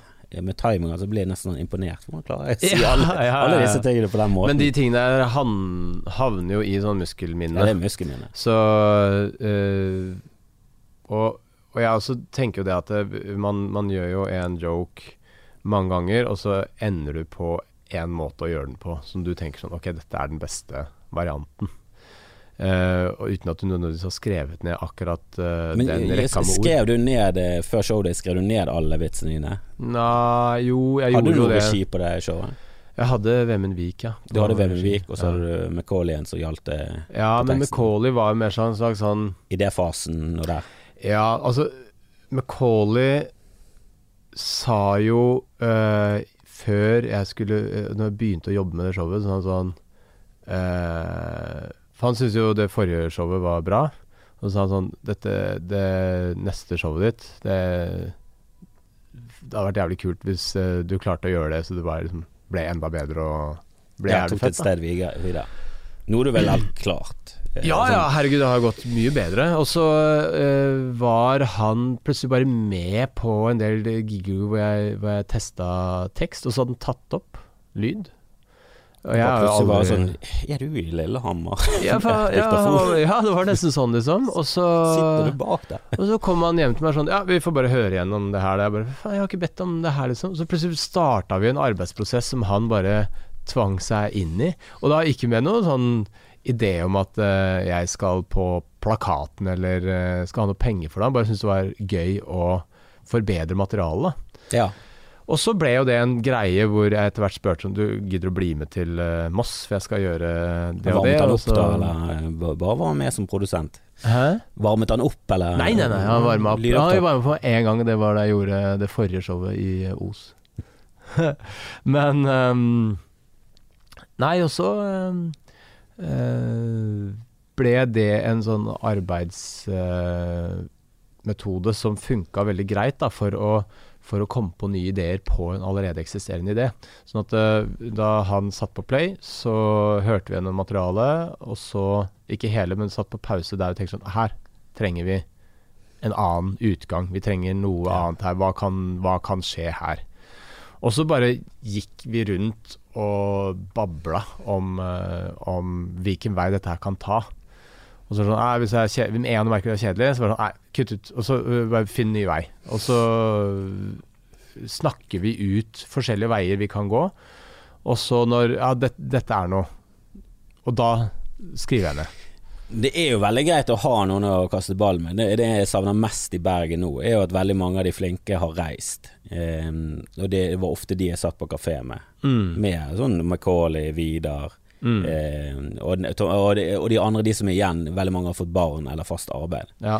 Så vi har bare kuttet ut det der henge på kafé og sitte der og drikke Ja, kaffe. det, og og det er så verdifullt å ha sånn som ja, Både Vidar og Macauley er veldig gode på det å leke med en situasjon ja, og en idé. og så baller det på seg. Ja. Du begynner å snakke om Og noe så så gøy, og man bare Du veit jo hvor gøy det er å sitte med komikere på og spise lunsj og bare sitte og Forferdelige jazze. vitser. Herregud. mørke er vitser som var Ah. Så jeg var sånn, dette kan vi aldri sitte noen Og så snakker vi såpass høyt at de ved nabobordet sitter og hører halvveis på hva vi sier, og får litt sånn sjokkerte blikk av og til. Ja, nei, det er det beste jeg veit, ass. Å sitte sånn på Ja, for det tror jeg at grunnen til at du er likt i miljøet, er at alle komikere er litt som det er litt sånn I hvert fall de fleste er litt sånn outsider, Litt sånn Ja, ja, som analyserer ting, og liker eh, å snakke om ting, uansett hvor grovt eller grusomt eller jævlig det er. Så kan vi ha en litt sånn her eh, kynisk tilnærming til det. Ja, men det ble aldri støtt av noe. Nei, nei, det er bare sånn, sånn men, men, eh, men, men ok, holocaust var forferdelig, men Ja. hva, hva, ja, ja. hva var det positive med det? ja, altså kan vi finne noe positivt til det? Jeg tenkte på det i går, faktisk. Jeg skal ha, snakke om han derre Shaman Durek. Så er det sånn eh, Innfallsvinkelen til Dag Sørås i en sånn setting ville vært Hvordan kan jeg forsvare han? Ja. Fordi han er jo omstridt og upopulær. Men sånn «Nei, Jeg gidder ikke. Jeg gidder ikke å prøve. Jeg, jeg har lyst til å hate han. Så- ja, jeg syns, noen tar det eh, Jeg syns det er et kult, eh, en, ku- et kult grep, da. Mm. Så ok, alle slenger dritt om Trump, mm. eh, men hva er kult med han? Men jeg syns det er mye bedre sånn som han har om den svenske kongen. Ja, ja, ja. Hans vri der er jo bare sånn Han, jo, han lever jo som en jævla konge. Hvis jeg skulle være konge, skulle jeg leve sånn. Men der virker det som han oppriktig har tenkt den tanken først, da. ja. Eh, og det er det jeg er misliker med litt- de siste specialen til Chappelle og Bill Burr, er når de snakker om de der tingene som de skal være kontrære på. Ja. Så virker det som de har satt seg ned og bestemt seg for at ok, hvordan skal jeg forsvare dette? Ja.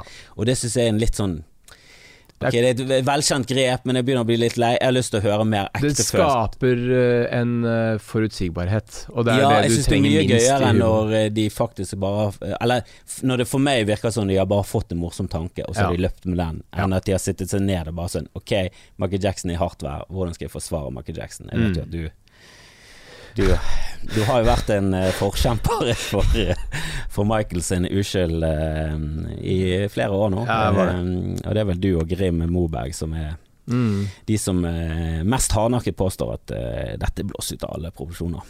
Har du sett den siste dokumentaren? Ja, det var vondt. Var det litt fellebevis der? Jeg har ikke sett den ennå. Du, det var Det er ganske fellen, altså. Så det er Det er beinhardt. Altså, det er det er et eh, spekulativt grep å lage en dokumentar uten tilsvarsrett og i etterkant av eh, at han er død, men eh, det virker som dette her er ganske legit, ja, det de sier.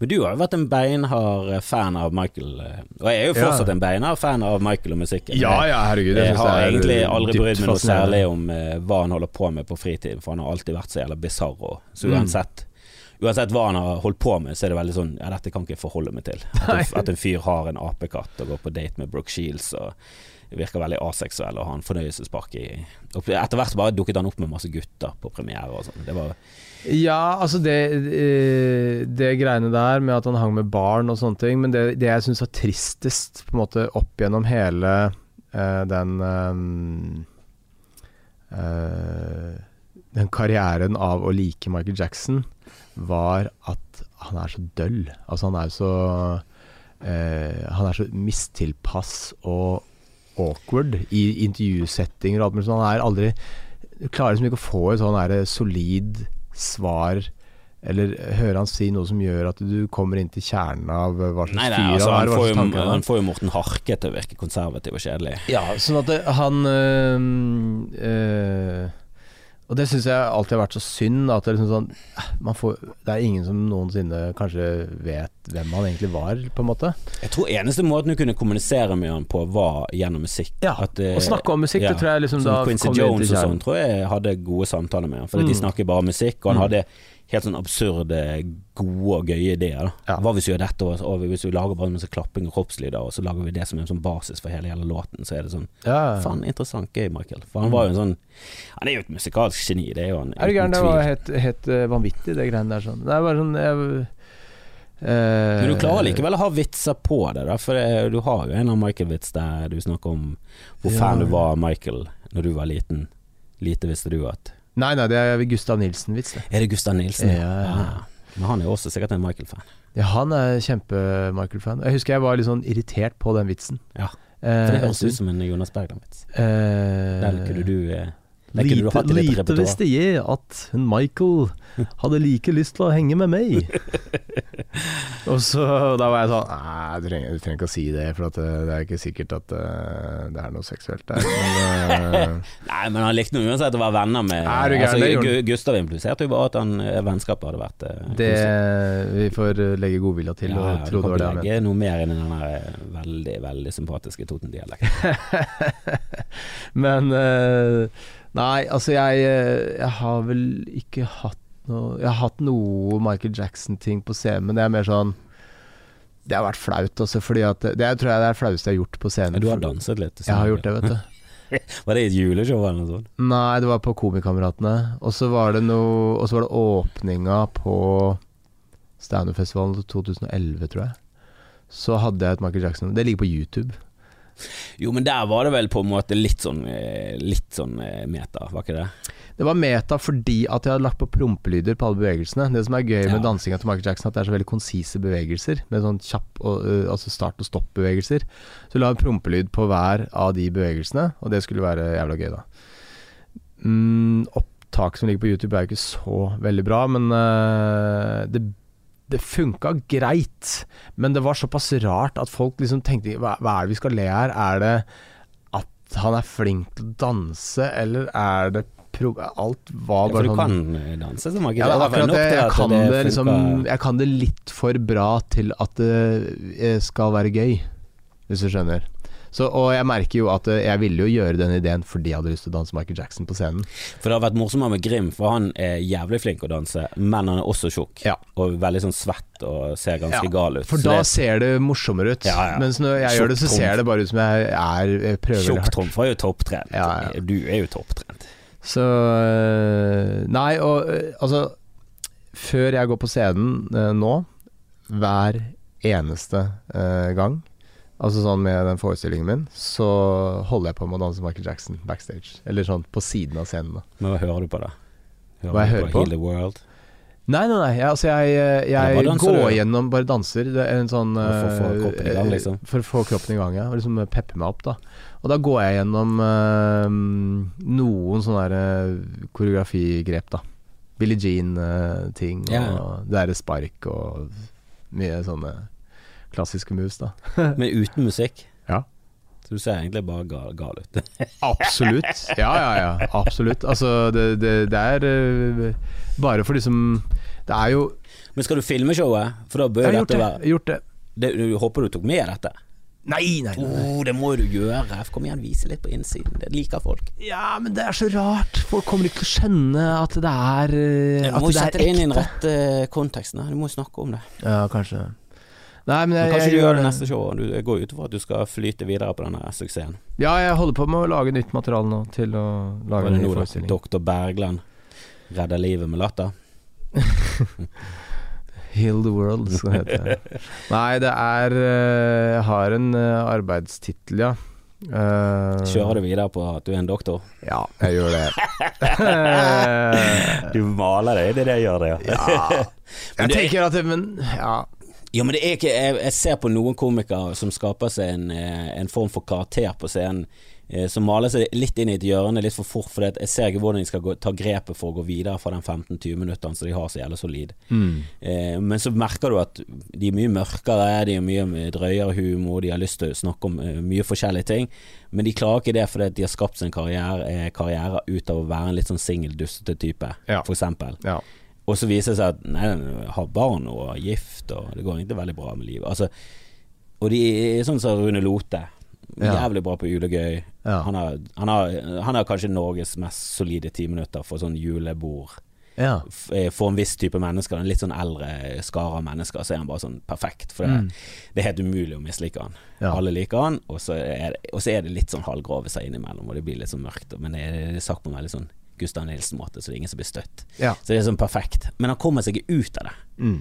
Fordi at han vil egentlig snakke om hvor mye han hater barna. Hvor mye ja. han blir irritert av familien. Ja, Så nei, altså Den der legegreia er et hjørne, men jeg kommer meg veldig fint ut av det. For jeg snakker veldig så mye andre mye. ting. Det hemmer ikke så mye. Gjør ikke det. Det er bare en god salgsplakat, og så er det eh, Og så er du det livet ditt er. Du er jo lege, Det er jo livet mitt her, og så er det uh, Det er stort sett veldig tilgjengelig for de aller fleste. Du må ikke jobbe med en helse for å liksom skjønne det, men det er litt sånn Noe av det kan man kanskje lære litt av fordi at du ikke har den innsikten i helsevesenet, f.eks.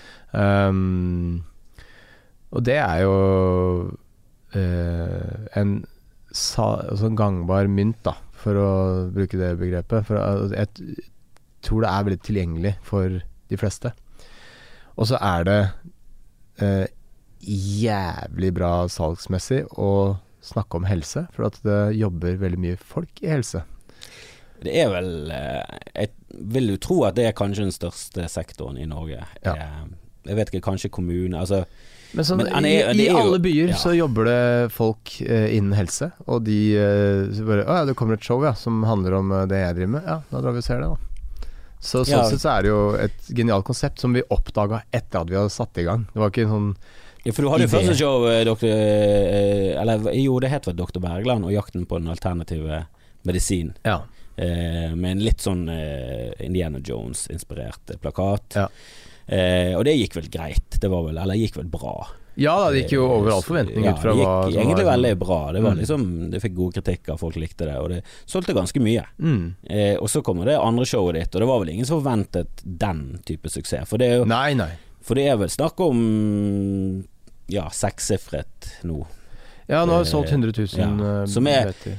Veldig få som kommer opp på det antallet. Ja. Eh, det, Ja, det er rart. for det er litt sånn rart i standup-bransjen, for det er så veldig Eller vi kjenner de som selger helt psyko mye billetter. Dagfinn Lyngbø lever liksom ikke i et sånt slott helt sånn utilgjengelig for oss. Vi treffer Ja. han på festivaler, han er veldig hyggelig, Ja. ned på fyr.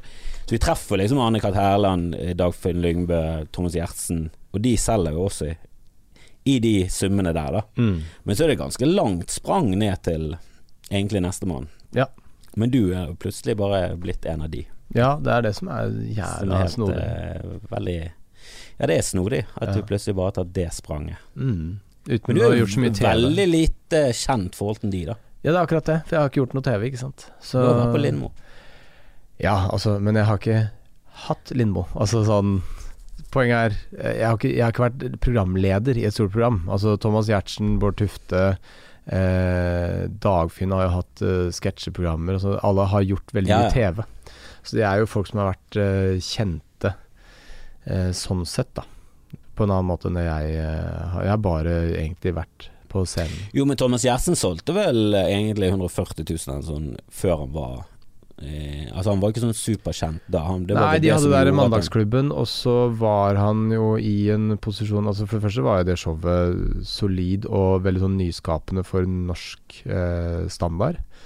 Eh, så han var jo på en hype av liksom Men da var jo Både- standup det hotteste. In, Er du gæren? Og så får du en norsk eh, variant av Seinfeld, på en måte. Er ja, for når vi startet, var jo standup eh, det døveste av det Ja, mest gæren? Det var jo rett under uh, improteater. Og det er ille.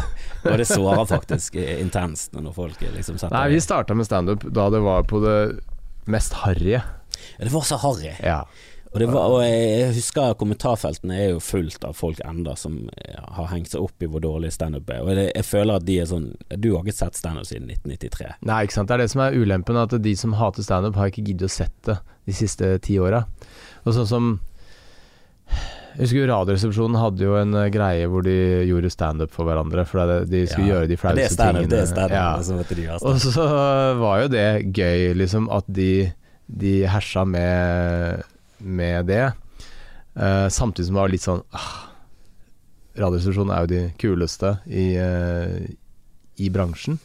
Og at de kødder med trynet ditt sånn, er jo på en måte litt sånn Men jeg følte alltid at de Eller jeg føler at de gjorde narr av det, det som var dårlig med standup. Jo, jo, absolutt, og det kan man jo gjøre. Men det å si at du ikke liker standup, er så mye sånn Jeg liker ikke musikk. For at eh, standup er alt mulig rart. Det er alt fra veldig dårlig standup til veldig god standup. Så liksom all musikk er ikke det det er. Ja, det, eller jeg føler litt mer som å si at du ikke liker pop. Der det er sånn Liker du ikke Beatles? Så jeg er sikker på det som pop. Så ja, men det er pop. Så da liker du Ja, ja. pop. ja, men Vi kan putte haugevis av forskjellige kategorier. Ulempen, eller det som jeg skulle Jeg skjønner hva du mener. Ja. Det at folk er sånn Nei, jeg liker ikke det. Mm. Og så er det så jækla mye Det Det er- er variert, da. Ja, for jeg har en kompis da som, som øh, liksom aldri ville komme og se at jeg sto på scenen. Bare sånn Nei, standup er døvt, liksom. Men han var veldig sånn aktiv på å sitere Ricky Gervais-jokes, liksom. Jeg bare sånn Men det er jo standup. Han bare Nei, det er Ricky Gervais. Jeg bare Er du helt fuckings idiot? Han driver med standup. Altså Du kan ikke Du kan liksom ikke si at Nei, i hvert fall. Men der er der Det som er spennende nå, er jo at eh, Radiostasjonen, gutta, har jo begynt å gjøre Ja, ja, standup, ikke sant. Og selvfølgelig. så, så du på en måte kommer inn i varmen igjen ved å ha høyere kvalitet. For at det var jævlig dårlig nivå en stund på slutten av 90-tallet, hvor eh, Jeg husker mye jeg start, Mye av grunnen til at jeg startet, var fordi jeg tenkte jeg er nå i hvert fall bedre enn det. Ja. ikke sant? det, det var ikke sånn jeg var, jeg var ikke bedre enn de som var middels. Jeg tenkte jeg var vel så god som de som var best i Norge, tenkte jeg. Ja, men det var du antageligvis eh, For jeg syns det var også. dårlig nivå på alle. Mm. Jeg syns det var jeg, jeg synes det var helt utrolig at de fikk sekser og sånn på show som var sånn Dette her er en firer. Altså, dette er Ja. et solid firershow. Nå Ja. må vi gi oss med de jævla sekserne. Eh, og det syns jeg fortsatt, da. At folk får for lett seks. Sekser for meg bør være sånn Jesus Christ, dette må du se. Men for dette du er noe banebrytende bra. Femmer er sånn, dette må du se. Og firere er sånn, hvis du liker standup, dette må du se. En Mm. En er sånn, eh, dette er for spesielt interesserte. Da Men har du nyansert eh, på en måte synet ditt på eh, liksom sånn, hvor vanskelig det er å gjøre et show etter at du har satt opp ditt eget? Det jeg syns var med show, var det er en helt annen greie, eh, og jeg vet ikke om For å gjøre liker klubbsett, så kan du liksom Det er så variert, da. Et, et kvarter med standup kan liksom være Altså Det ene kvarteret kan være forskjellig fra gang til gang. Mens når du setter opp en forestilling, så bør ting være litt likt. For en egen Ja forutsigbarhet, da. Og jeg merket det spesielt når jeg skulle filme showet, så var jeg veldig sånn på å pushe det på og få folk som likte meg til å komme og se på, da. Mm. så da stappet jo jeg salen ganske full av fans, og da er det for første gang Men fans som da hadde sett det før? Nei, jeg vet ikke om alle hadde sett det før, men sikkert noen som hadde sett det før. Ja. For jeg var veldig sånn, har du sett det før, bare send meg en PM, og fikser gjesteliste. Og jeg fikser veldig mange på gjesteliste, veldig mange som hører på Ja. Skamfrelst. Det var veldig sånn, bare gi meg en lyd, så skal jeg fikse. Ja. Jeg fikser folk på gjesteliste. Så jeg var veldig rundhåndet med det. da For jeg ville fylle opp, og så solgte det bra i tillegg. Så jeg fikk liksom stappfullt Riks, og det var veldig absurd å stå på scenen eh, for første gang og føle at det var liksom fans, da.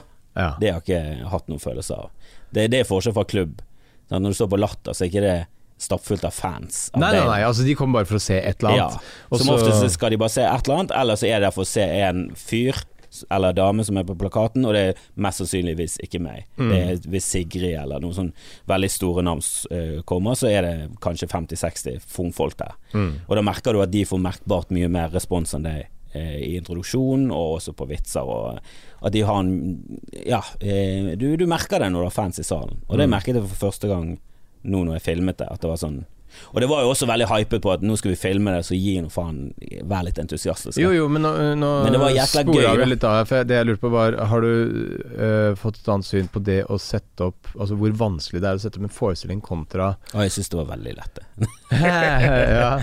Nei, det er Ja, det er en helt annen greie, men jeg hadde veldig Du god sa jo det at du syns de komikerne som du så på TV var dårlig, og da regner jeg med at du så da forestillinger, eller så du, så du sånn korte snutter, liksom?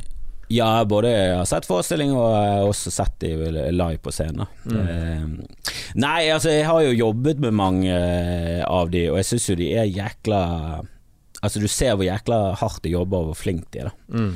Og så jeg, jeg, jeg har blitt mye mer rundere i kantene. At du eh, Altså Den eneste fortsatt Eller som jeg syns er sånn ja, jeg, skjønner ikke greien her. Jeg skjønner ikke hvorfor det er så mye hype, og jeg skjønner ikke at, han, at folk ler.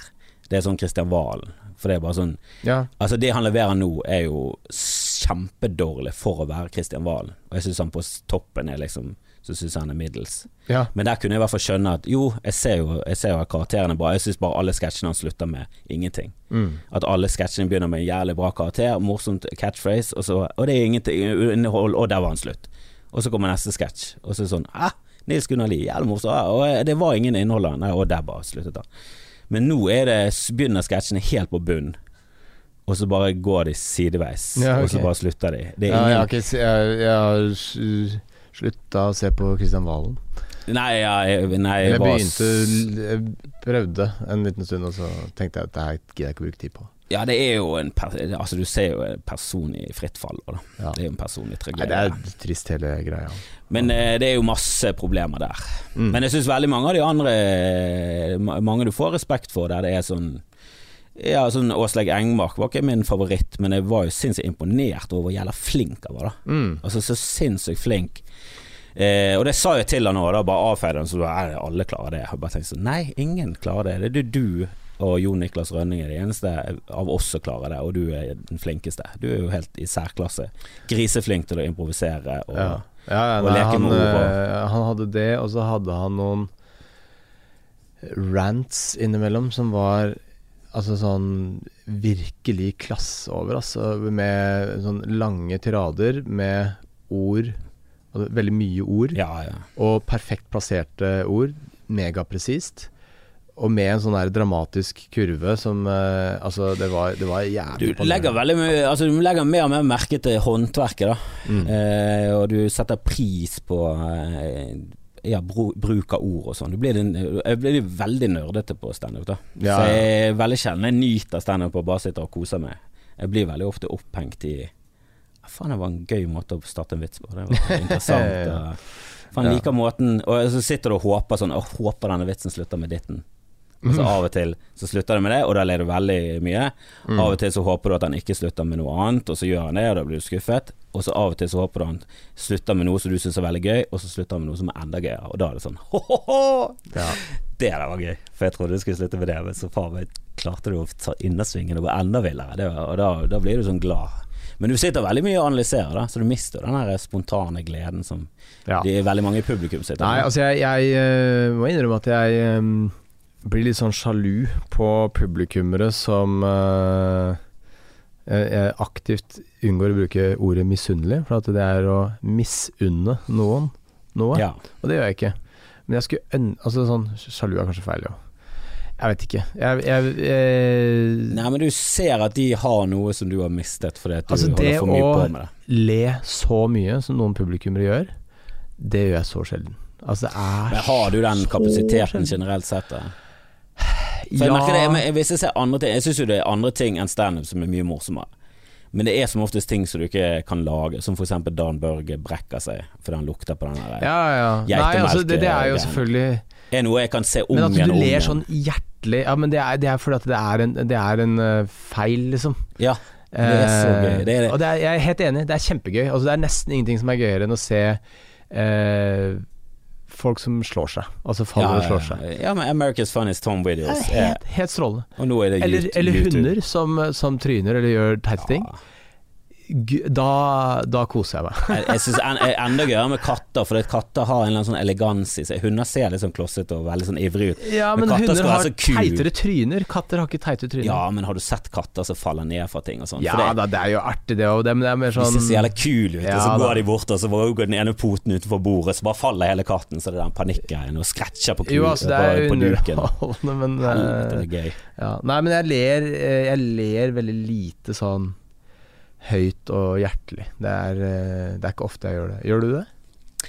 Jeg ler ganske mye, ja, men det er veldig sjelden jeg ler av sånn stand Det er veldig mye mer sånn du nikker og sånn.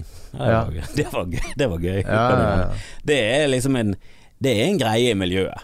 At hvis noen folk sier noe, eh, eller i hvert fall når de tester ut ting, så kan du sitte helt, helt kald i fjeset og bare sånn Ja, det er bra.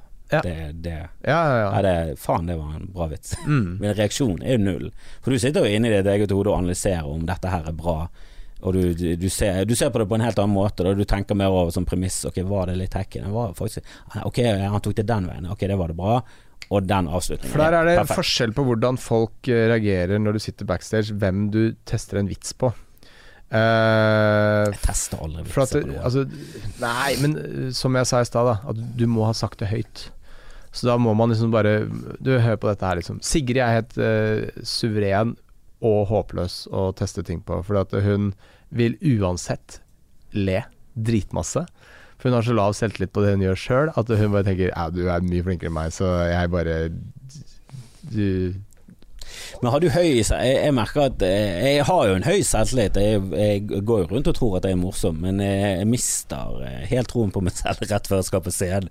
Så er det plutselig sånn Kommer det til å funke i dag i det hele tatt? Eh, Altså Ulempen Jeg har stort sett jeg, Sånn som når jeg kom på det med Shaman Durek-greiene i går, da, så tenkte jeg sånn Ja, dette, dette vet jeg kommer til å funke. ja, noen, noen Da har jeg en intuisjon på at sånn eh, den, Nå gleder jeg meg til å si det greiene der. Men jeg har også det er en ambivalens der, fordi at eh, man kan ha gjort nøyaktig samme materiale to eh, liksom etterfølgende kvelder, og ene kvelden eh, funka det dritbra, og neste kvelden ikke i det hele tatt. Så du vet at det er en uforutsigbarhet i, i bare jobben. Altså Plutselig en dag så funker ingenting.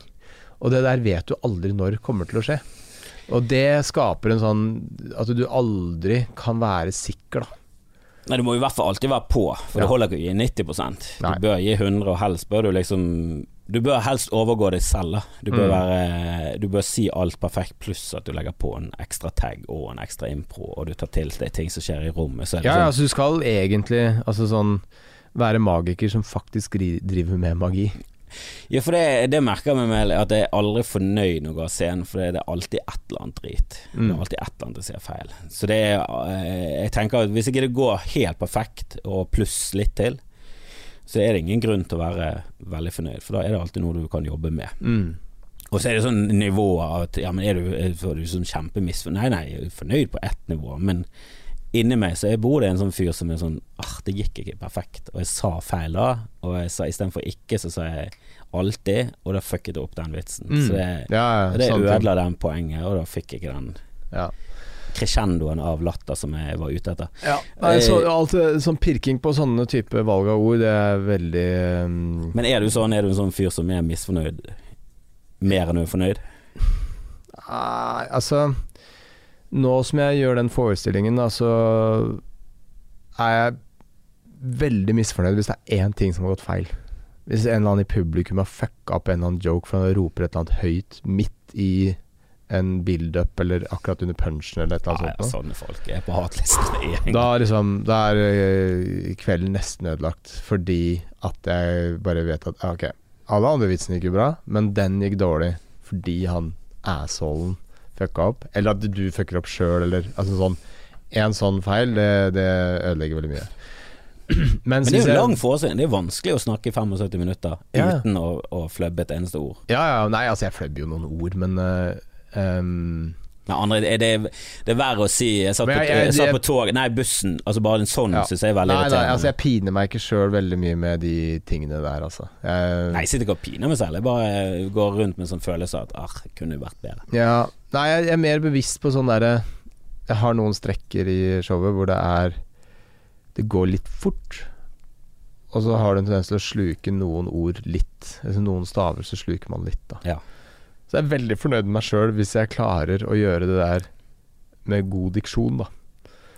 Ja, jeg har en vits der jeg sier en veldig komplisert lang setning med masse ord. Og hvis jeg klarer liksom å si det med flyt Og det er så rart, for det går jo veldig mye på muskelminnet. Mm. Så du kan jo tenke samtidig som du sier det, Mm. at helvete, dette gikk bra i dag. Ja, ja, ja. Og Altså- det, det må jeg tenke sånn Hæ, ja, den er oppe og nikker her. Og da har du sånn ro i kroppen til å gjøre det andre etterpå veldig mye bedre igjen, ikke sant? For at du har ikke blitt stressa av at du allerede da slukte et ord. Så det er en del sånne ting, men eh, nei, altså etter en forestilling nå, så Sånn som i går, da, så var jeg i Voss, og det gikk jo bra. Eh, etter jeg går av scenen, så tenker jeg ikke ett sekund på hva som har foregått. Da er det bare hva som skjer videre i kveld.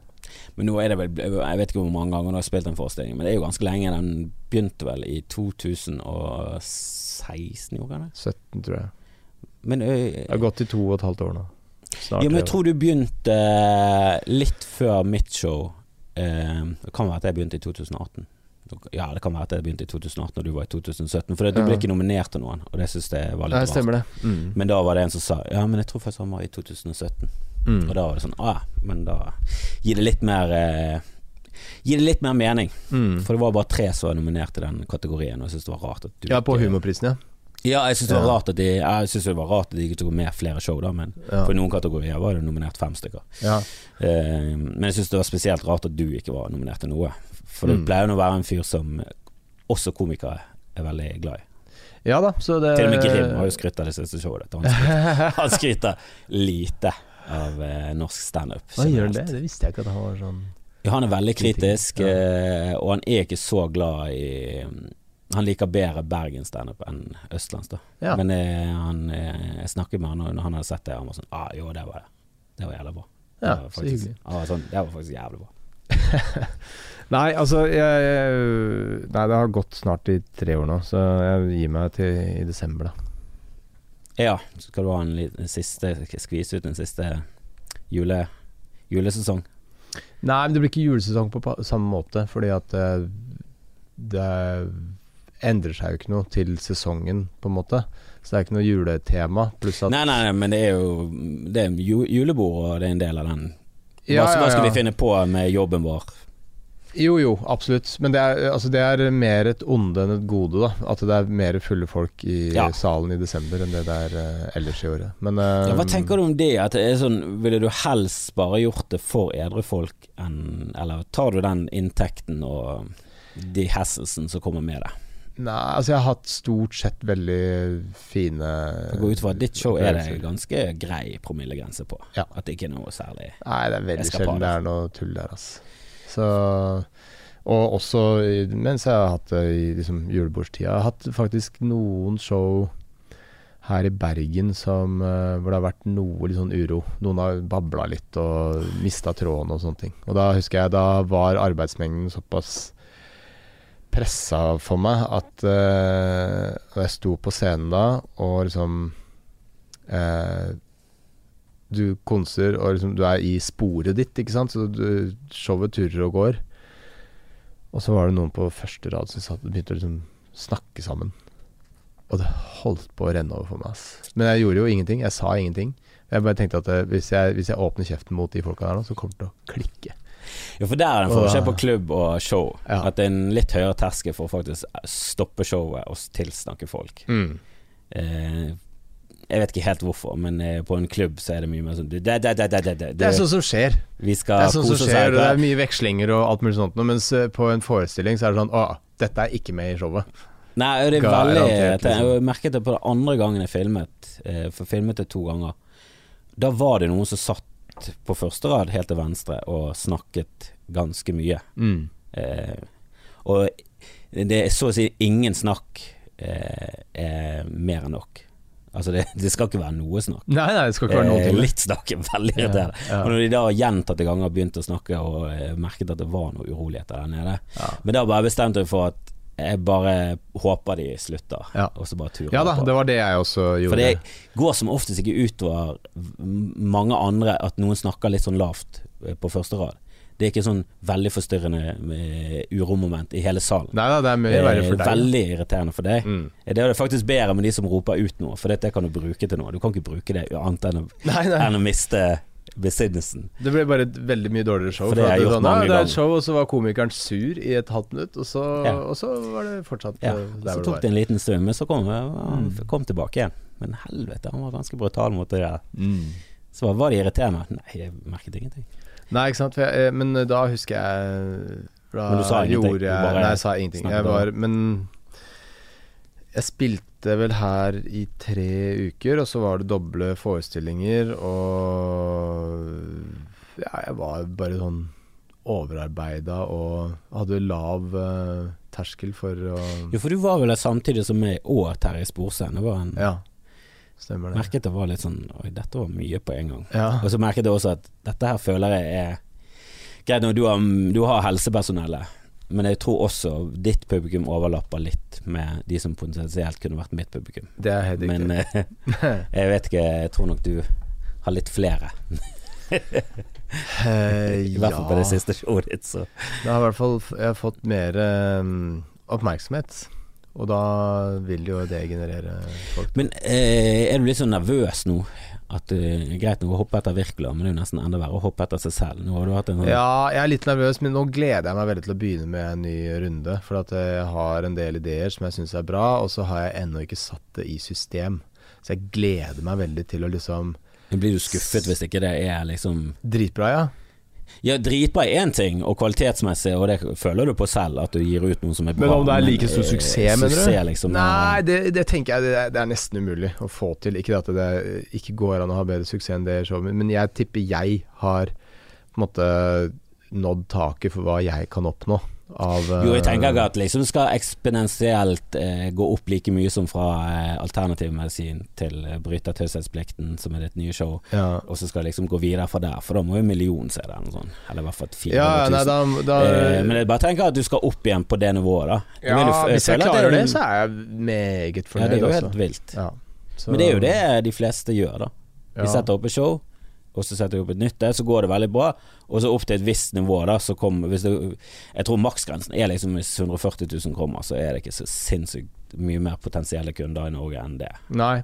Nei, for det, ulempen er at altså det er, Som jeg snakka om i stad, at det er Det er jævlig vanskelig å lage. Og, og jeg har ikke en Hva skal jeg si En eh, Et grep på scenen som jeg bare kan putte inn i uendelige antall eh, situasjoner, og så bare spyr jeg ut nye show hele tida. Du tenker Dag sin Det er jo som Nei, altså sånn eh, trekke seg ut av Irak. Det er jo som Det er så bra. Det er det eneste jeg kan ta Dag på. Det er at han har sammenligningshumor. Ja, men jeg syns jo, jeg synes jo de, de, Noen ganger så er jo de sammenligningsgreiene jævlig bra, liksom. Så Han skriver Altså, hvis, jeg, hvis jeg klarer å komme på en god sammenligningsjoke, så er jeg meget fornøyd. ja, jeg setter meg ned av og til, og så skal jeg komme på sånne. Ja. Og det er, det er så stille opp i hjernen min. Ja, ja, Det er som om hmm, Det er bare en sånn cricket eller høyball. Altså. ja.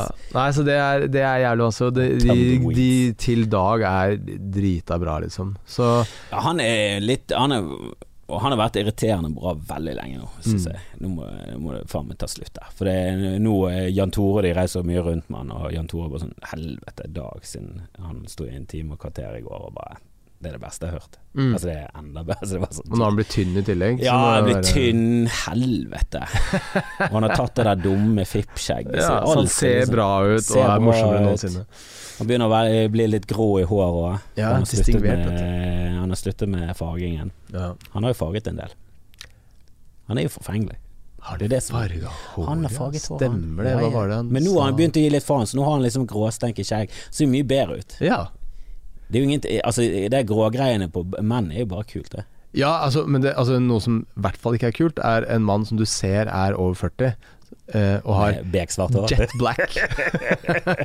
Det ser mye bedre ut å ha litt sånn grått og litt hvitt i Så du. Pavarotti på slutt, eller? Altså, han hadde så svart hår, han, og var så gammel mann. Han var at, eh, nesten sånn at det rant litt sånn svart nedover. Det var så dårlig. Ja. sånn Nei, så, Cooper jeg vet at det kommer en film av noe. Dokumentar. Tror du Ron Howard som har laget Pavarotti. Hvis ja det er bra, så kommer på kino nå.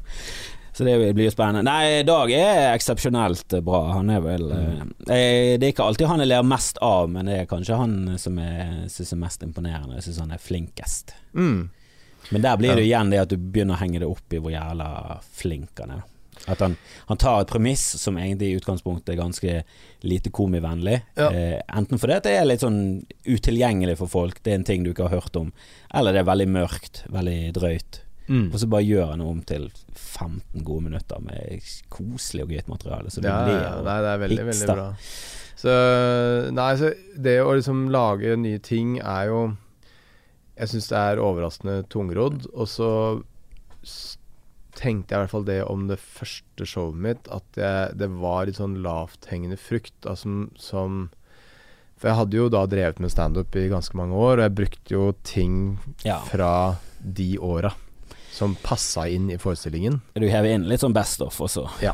skrev du ut. Og så tenkte jeg Ok, det kan jeg gjøre en gang, på en måte. Og, og så blir neste runde jævlig vanskelig, for da har jeg ikke 15 år med ting å husker jeg husker. Bjørk sa når hun lagde sitt første album, at det var veldig enkelt, for da var det alle låtene hun hadde laget frem til da. Mm. Det lagde hun på det. Så når hun skulle begynne på andre albumet, så var det grisehardt. For Ja. måtte hun begynne fra scratch. Ja, og sånn var det uten at eh, Bjørk og jeg ville like, men eh, eh, det Mange var som ser likheten Ja. mellom Bjørk og uh, Bryter taushetsplikten. Så Bryte taushetsplikten-showet hadde jeg null trua på veldig lenge.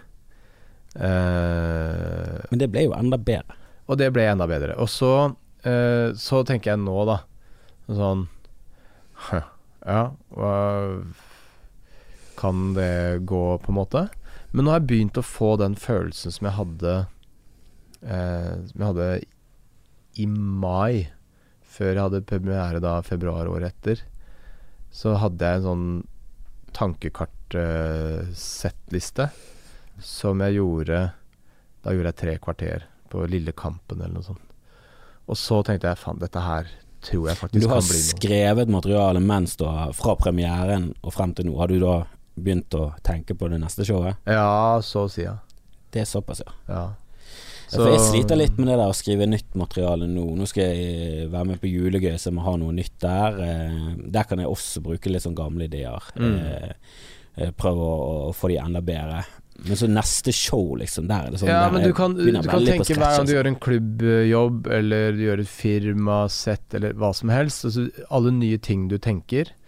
Så bare sånn Er det noe her? Og så, og så legger du det inn i en eh, liste av ting som du skal utforske videre, da. Tror du er litt mer strukturert enn meg. Ja, finner, kanskje. finner sånne her s- settlister skrevet på dorull i bunnen av en ransel. Er Jo, jo, men det kan, det det kan jo være sånne ting. Altså, du ser jo den dumme lappen her, liksom. De er jo, det er jo sånn de er ser ut. morsomt lua? Hva er det jeg tenker på? Du holder hodet varmt til en fin ting. Ja, det er, jeg syns det er Jeg synes det er vanskelig å skrive materiale. Og jeg syns det showet jeg hadde nå, var liksom ingen sånn Jeg syns ikke det var noen av de vitsene som var eh, overgikk eh, det jeg skrevet før. Eh, Ja. Så det er det jeg håper med neste show, at jeg skal ha noe som jeg føler er sånn skikkelig killer. Mm. Men jeg- det var veldig bra, veldig fornøyd med showet. Men jeg, jeg savner liksom den der sånn som Louis C.K. sånn why-vits om barn som spør så mye, at du får Ja. noen sånne bits som du bare tenker at åh, dette her Mm. Denne skal jeg kose meg lenge med. Mm. Nei, det er når man Så han og Burr er jo de der inspirasjonskildene der du Ja. Det er det du streber mot, da. Mm. Eh, og spesielt sånn som de var for et par show siden, når de var på Når jeg syns de var på høyden, da. Mm. Eh, Jeg føler at nå leverer de bra, men det er ikke, det er ikke opp mot der de var. Eh, Nei, jeg, altså, jeg syns og- Bill Burr egentlig er morsommere nå, mens Lucy Kay var morsommere før. Uh, Ja, siste showet hans Jeg likte ikke de 20 første, for jeg følte at han nesten sånn programmessig måtte være mot feminisme og metoo. Altså, han hadde en sånn ja. kontrær greie da. Jeg synes han Det forrige showet hans var det første som skuffet. Eh, alle de showene før ble bare bedre og bedre. For hvert show som kom ut, så var det bare Ja. sånn Helvete, han har tatt opp til et nytt nivå. Eh, og jeg syns han var tilbake igjen på sporet nå, da. Men det er jo sånn, du blir jo litt forbrelt, da. Det er jo liksom Han har jo levert noe av det beste noensinne. Denne helikopterbiten hans, der han forteller en vits fra to forskjellige synspunkter. Han forteller om han som hev seg ut fra et helikopter. Han leide et helikopter med en pilot. Ja. Og så satt piloten sånn og snakket om sånn Ja, på høyresiden her, så ser du Og så bare merket han ikke at passasjeren bare tok av seg alle sikkerhetsgreiene, og så bare hev han seg ut. What the fuck? Han bare hev seg ut av helikopteret, han skulle ta sitt eget liv. Eh, og så landet han i vannet, da. Eh, og så fortalte han Først så fortalte han han fra synspunktet til eh, eh, han som tok sitt eget liv, tror jeg. Ja. Og så fortalte han det fra synspunktet til piloten. ja. Som var nesten sånn Tarantino-grep. Der Ja. det var sånn og du forteller det samme om igjen, men fra den andre sin synsvinkel. Så det ble bare At han greide liksom å få dobbelt ut av den vitsen. Han bare gjorde noen grep som var bare sånn Aldri Aldri tenkt på det på den måten. Jeg har aldri hørt om noen som har gjort det, og det er helt eh, Du er bare helt insanely god. Hæ. Fordi at du er veldig sånn mainstream-komiker, men tingene du snakker om er ikke mainstream. Men du bruker bare masse grep som også alternative komikere. Ja, han bare mikser det sammen til en sånn mølje som er han. da. Han er bare Han er sånn som dreper eh, på alternative rom, han er dreper eh, på latter, han dreper på prøverør, han dreper, han dreper overalt. Han, er Mm. bare, han er bare pur morsom. Det er litt synd at han har blitt satt i en bås som en sånn mannssjåvinist. ja, men det har han jo valgt litt sjøl, da. Jo da, men jeg bare syns det er synd at uh, de som uh, er litt for langt ut på venstresiden og ikke klarer helt å å skilne mellom eh, ja, ting som er morsomt og ting du ikke skal spøke om. At der det er sånn alt skal spøkes om, så roer Ja. ned. Eh, for jeg syns det er morsomt Altså, Når folk blir hissige på ham fordi han sier eh, du skal ikke slå kvinner, men du sier at det er ingen grunn til å slå kvinner. Ja, men det er bare å være karolant. Det er Ja. ikke å være kvinnehater. Nei, nei, det, men det er jo bare en jævla morsom premiss for en vits, da. Ja, og så ja, ja, og så klarer han å komme seg unna med det, med å forsvare det, og det er jævla morsomt. så er det noen som bare surner så jævlig på Ja, du skal ikke slå kvinner. Og så bare sånn Nei, men hele premisset til vitsen er det. Det er det første Ja. han sier. Og det irriterer meg så ekstremt at du bare forkaster det med å si sånn Ja, men han snakker om å slå kvinner. Ja. Bare, nei, det er ikke det han snakker om. Han snakker om denne, at han hengte seg opp i sånn nerdete ting. Mm. Han bare, det stikker hjertet hans hver gang noen sier det, for han mener sånn Og, og sånn rasjonelt. Det er sånn Ja, men å si at det ikke er noen grunn, det er irriterende. Og det er en veldig sånn komikerting, da.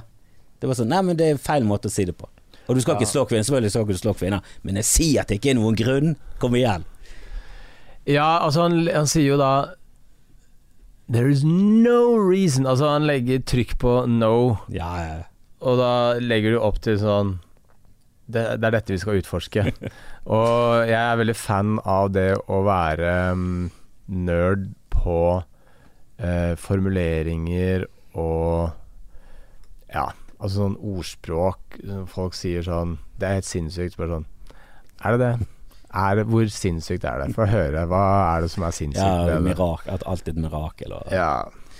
Jo da, jeg syns, jeg syns jo Jeg hadde jo litt vits om, som sånne ting som gikk går liksom på hvordan vi snakker og sånn. Og George Carlin har jo også snakket mye om det. Mm. Men av og til så er det sånn Ja da, vi burde kanskje brukt en feil En annen prevensjon av George, men hvor morsomt Ja. er det at get on the plane. Ja da, vi går inn. Hold nå kjeften på deg.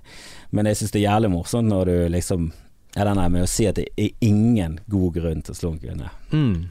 At det er ingen grunner. Syns det er jævlig morsomt å henge seg opp i. Ja. Og det irriterer meg så jævlig at folk ikke klarer å se bort ifra at ja, temaet er å slå kvinner, men det er ikke det vitsen er. Nei. Vitsen er på noe helt annet. Han kverulerer på en, på en måte vi snakker på. Mm. Eh, det er der vitsen ligger. Og, og det er jo morsomt hvis du bare hører etter. Jeg bare irriterer meg over folk som lukker seg ned. Slukker. Ja, men er ikke det den derre woke og politisk korrekt og Jo, men jeg skjønner den til det. Jeg tror den eh, fører til at samfunnet kanskje dras litt i riktig retning. For det er, vi er fortsatt ikke der at alt er, er bra. Mye, mye, mye som Nei, er ille, men altså, det, det er jo ikke nødvendigvis sånn at det, enn, det er en rett er linje mellom eh, på en måte uh, den politisk korrektheten og den woke-greia. At det, det nødvendigvis må gå i den retningen. Så det handler vel mer om en form for bevisstgjøring rundt språk og holdninger og sånne ting som gjør at man trekker jo ting i, i riktig retning. Det er mer eh, humanistisk og mer toleranse og Men så er det sånn jeg er ikke helt Altså det er jo sånn De er jo veldig på at folk skal ha eh, Jeg, jeg syns de er veldig på eh, at det ikke er eh, ytringsfrihet, da. Det, det skinner gjennom at de vil ikke ha ytringsfrihet, og jeg er veldig på at jeg tror det er den rette veien å gå. Ytringsfrihet er veldig bra. mm. Og de er veldig på at nei, nei, hvis du mener noe annet enn oss, så skal vi ødelegge karrieren din. Det er målet deres. Eller karrieren. Ja, eller ødelegge hele fuckings livet. Eh, sånn som Jan Hanevold er sånn Og jeg, helt, jeg, sånn, jeg syns det er gøy når eh, Helene Harepus, eller hva hun heter på Twitter, henger ut Hanevold om igjen og om igjen. For han er en fjott, og han sier veldig mye gøye ting som Ja. er lett å gjøre narr av. Og eh, det gjør meg egentlig ingenting om folk eh, ødelegger hans karriere, for jeg syns hans karriere er å utnytte folk som er stakkarslige. Ja. Som gjerne ofte er litt eh, gamle, og kanskje ikke ha, er med sine fulle fem. Jan Hanevold, er det han Det er han eh, kristne Visjon Norge. Ja, ja, han, ja. For han har helt sånn grusomme meninger. Ja. Jeg synes han er, det er helt greit å prøve å skade hans eh, TV-kanal, for jeg syns det de holder på med, Ja, er helt for jævlig. Mm. Men det er noe annet når de skal liksom Ja, de skal ødelegge karrieren til folk fordi at de på Twitter gjorde narr av at eh, hvis de fikk en homofil sønn, så hadde de sleppet til i trynet. En, en eller annen dårlig vits av Kevin Hart, liksom. Yeah. Han har sagt unnskyld for det. Det var derfor han ikke ville si unnskyld nå. Det var sånn, Du skal si unnskyld. Så var det sånn Jeg har jo det. Sagt det for lenge siden. Jeg angrer på det. Det var eh, dårlig humor, jeg har kommet meg videre. Jeg har ikke de meningene nå lenger. Jeg syns det bør være en sånn flott greie der det er sånn Så bra, da. At du har gått fra å være veldig homofob til å innse at det er en tåpelig ting å være, til å Ja. bli et bedre menneske. Og nå bør vi være ferdig med det. Altså, og når folk går for langt med Jeg husker Bjørn Henning snakket om en svensk venninne. Han er vel gift med en svenske. Og så en venninne av henne som, som ble provosert på ham fordi hun eh, For han snakket om sønnen sin, Eh, og han sa han, da. Mm. Og han påprakket han et skjønn som What? han kanskje ikke Hun mente at han, han burde vært mye mer kjønnsnøytral. At, si altså, at Bjørn Henning burde vært mer kjønnsnøytral, eller? Ja, overfor sin egen sønn. Han burde ikke påprakke det at han var en sønn, og at han var en gutt. Som er bare sånn Som er bare sånn Jeg er helt, jeg er helt med på det der at hvis du ikke Hvis du foretrekker å bli kalt noe annet enn han og hun, eh, så må du for det første gi grei beskjed om det, så er det helt greit, så skal jeg kalle det hva enn du vil. Jeg har ingen problemer med det. Eh, og jeg har ingen problemer med å, å, å tro på at folk eh, For det er mange som ikke tror på at det finnes folk som er eh, født i feil kropp, at det er en, en falsk greie i samfunnet, og du ser Mm. ut som en av de nå med det blikket ditt.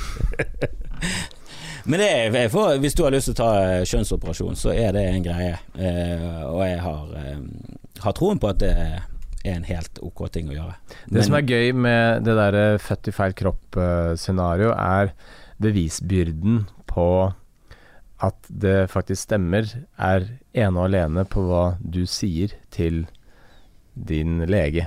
Du, jeg føler meg født i feil kropp, jeg. Kan jeg mm, få en Ja, men eh, nå eh, følger jeg vel en del på Twitter, og jeg kjenner også til det. Jeg har faktisk vært en del på scenen eh, som har tatt operasjon, eller skal ta operasjon, eller Mm. nettopp har gjort det.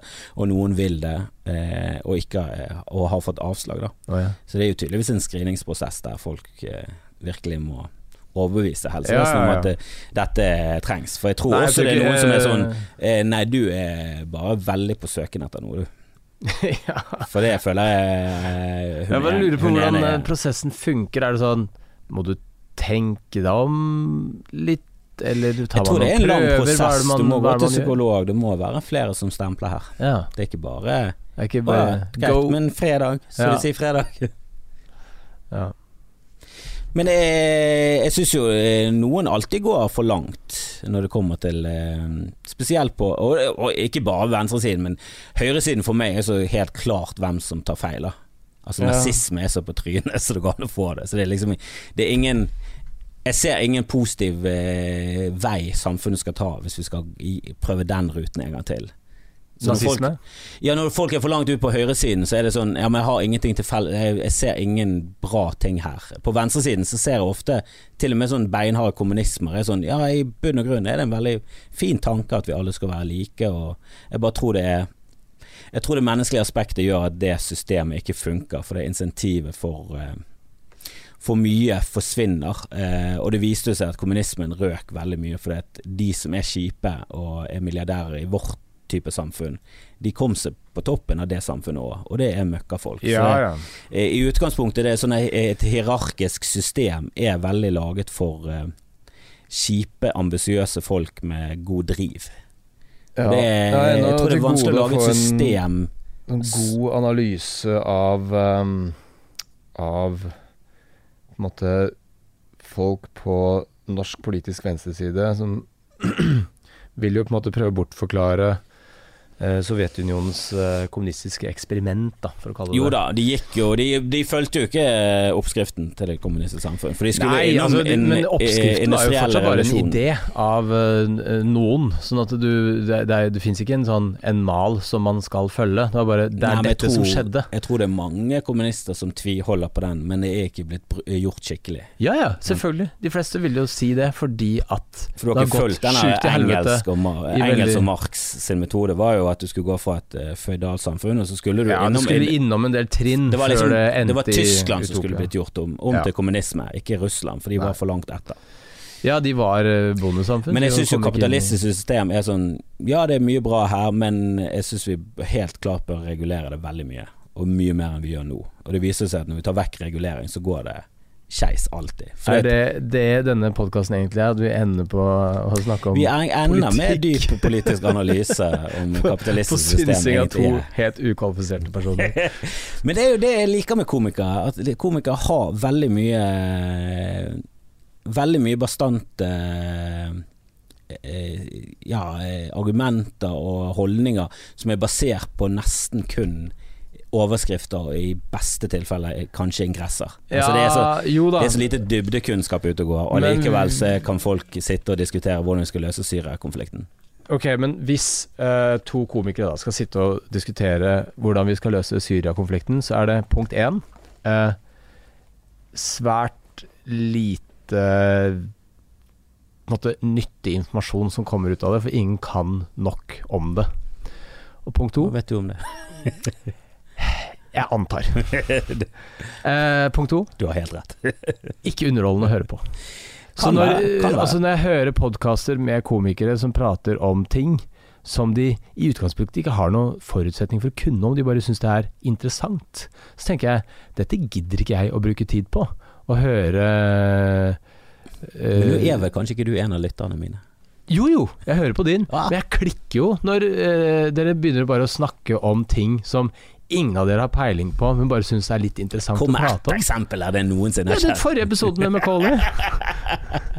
Ja, men det er jo Macauley Hvorfor sin skal jeg bruke tid på det her? Det er jo Macaulay Altså, sin feil, jeg hadde jo en plan. Jeg hadde jo en plan her om å snakke om uh, hans liv og oppvekst, og så bare endte det opp med vet da faen hva vi snakket Jeg husker ikke hva vi snakket om. Det bare blanket ut. Det var en uh, lang uh, prat om ting vi helt klart ikke Altså behersker. det, det eneste som på en måte som Jeg er altfor er glad i å snakke.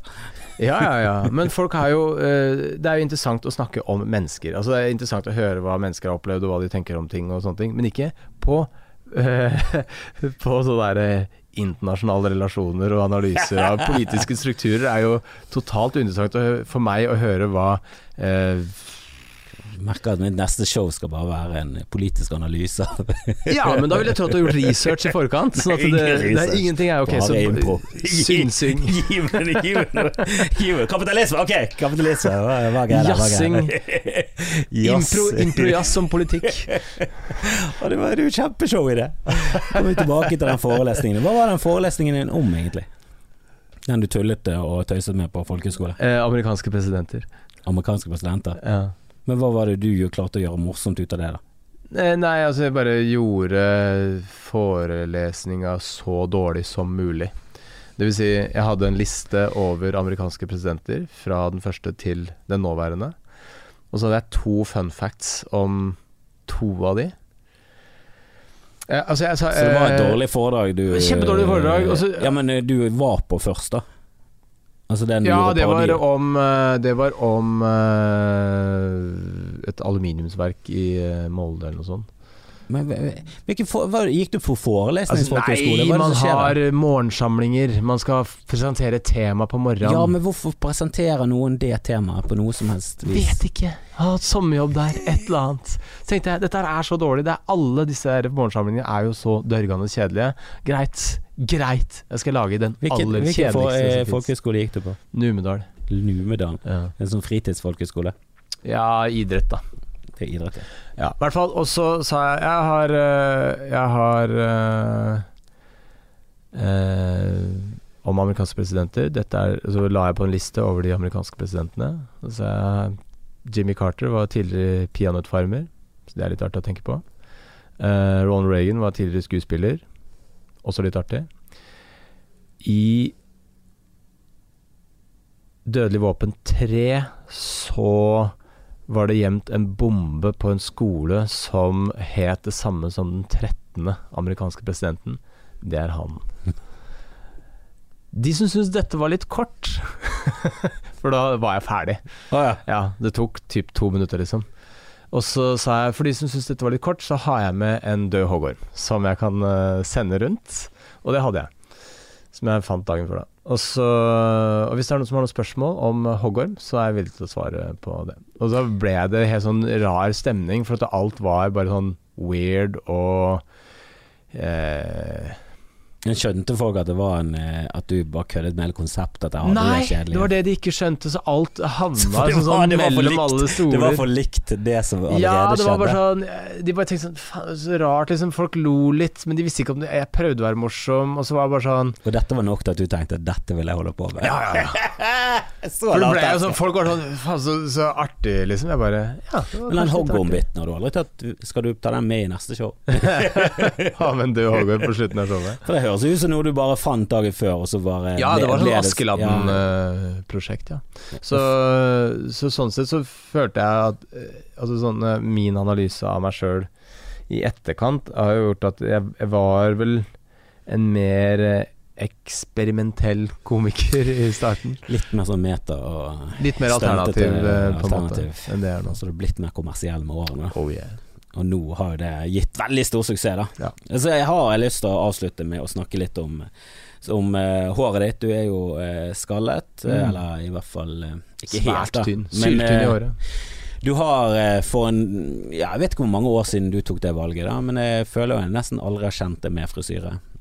Nei, de første åra vi kom hit, så hadde jeg vel nok ganske mye hår, skjønner du. Men øhm, Men ja.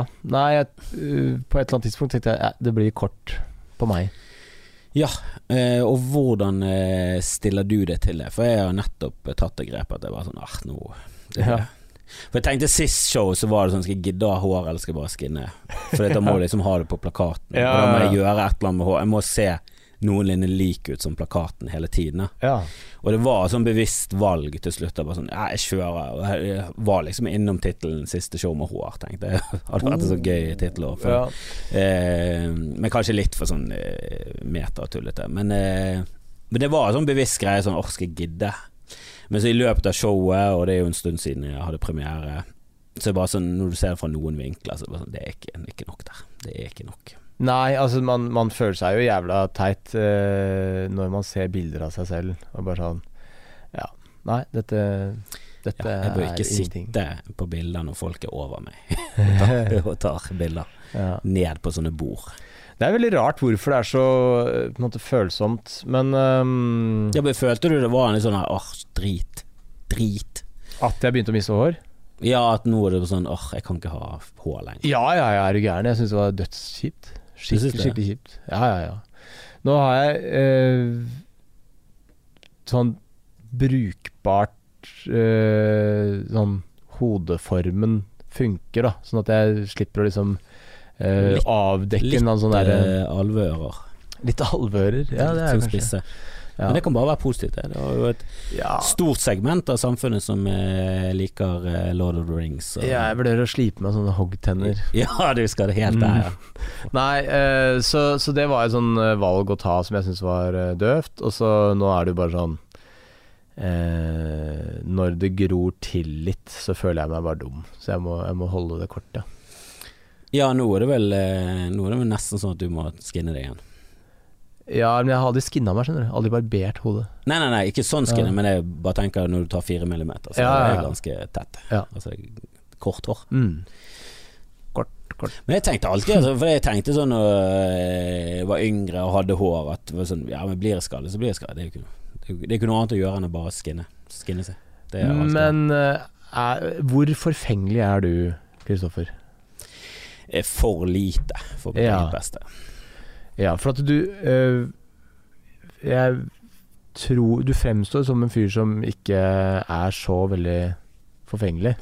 Nei, jeg tror jeg er mindre enn det òg. Ja.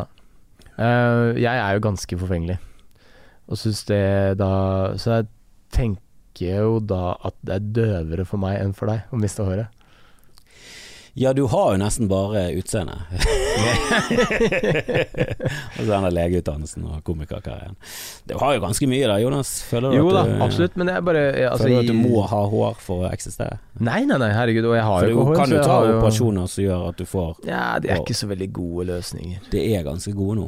Er føler, ja, hvis du ser på Wayne Rooney, så Ser han- han normal ut igjen? Ja, for han gikk jo fra Han tok jo det ganske modige skritt å gå fra å være helt tydelig skallet til å bare plutselig komme med en hårsveis. ja, men så ikke det ut som sånn der planta risåker? Som har skulle liksom Sylskarpt skille. Når folk skulle gjøre narr av han, så var han sånn Ja, ja, jeg har tatt uh, operasjon, kjempefornøyd.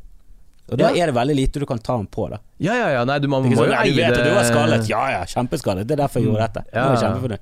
Nei, jeg vil si Nei, du kan at ikke late som ingenting, nei. Det går ikke. eh, Nå vil jeg si at ja, nå eh, er det tommel opp for å ta sånn, hvis du vil. Hm. Det er bra nok, da. Det er ikke sånn halva Flatland. Jeg lurer på om Petter Pilgaard eh, er på en måte en av de få i Norge som har på en måte vært åpen om at han, Ja, han tok en det. sånn operasjon. Men han ser jo ikke akkurat strålende ut. Jeg tror det er veldig individuelt hvordan man eh, på en måte responderer på det. da Det kan godt tenkes at uh, immunforsvaret tar de nye hårforlyklene også.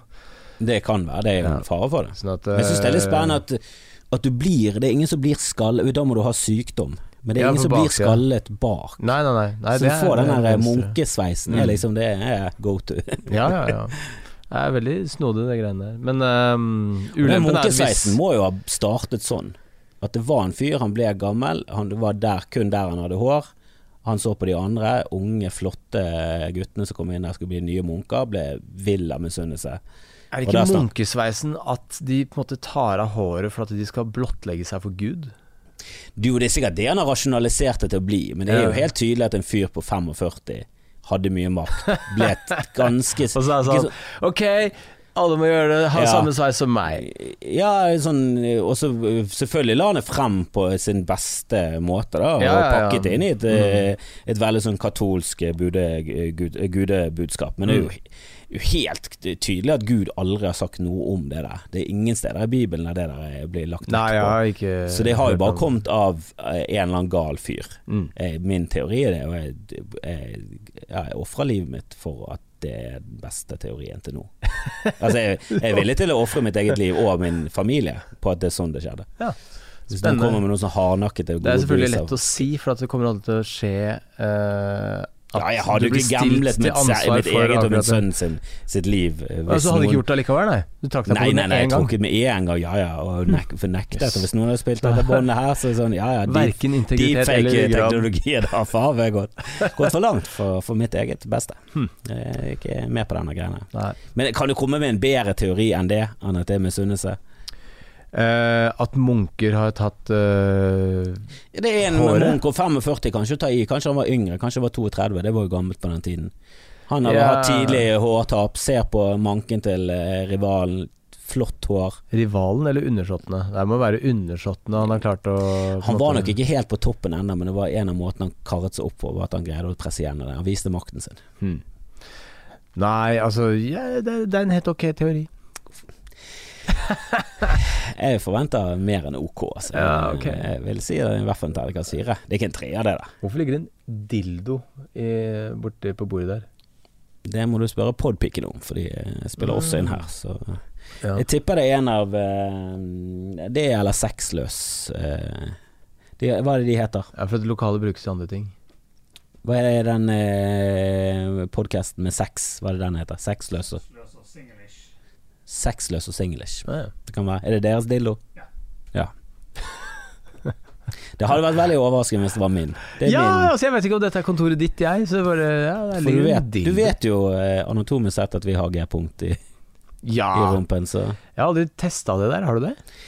Vet du, Der jeg merker jeg at eh, Jeg har, jeg har jo en vits om at jeg har ikke så lyst til å utforske for mye i denne seksualiteten min, for jeg er litt redd for at eh, den eneste måten jeg til slutt kommer, er hvis jeg står med en sånn Ja, må stå og pisse på en dverg mens jeg pisker meg selv. Altså, det er jo sånn Ja, men Det kan skli fort ut da hvis du skal utforske Du må ikke, altså, bare at du finner ut nye ting som er digg, betyr ikke at de tingene du syns er digg, allerede mister sin Jeg tror, det, jeg tror ja, der eskalerer det. Jeg tror det eskalerer. Så Eh, du tror at du, du må bli mer og mer ekstremt, og ting som du Ja, hvis du er en sånn som så, har en trang til å utforske det og finne ut av uh, hvor liksom denne essensen er, så tror jeg du ender opp eh, steder du ja. Som virker litt sånn slitsomme, da. At du må eh, liksom Det er logistikk hver gang du skal Ja. eh, ha, ha sex. Eh, Ja, det ja. føler jeg er litt, er litt lat, så jeg vil ikke Altså, jeg, jeg skjønner jo veldig godt at det der funker som et uh Det er jo et humoristisk premiss. Et humoristisk premiss.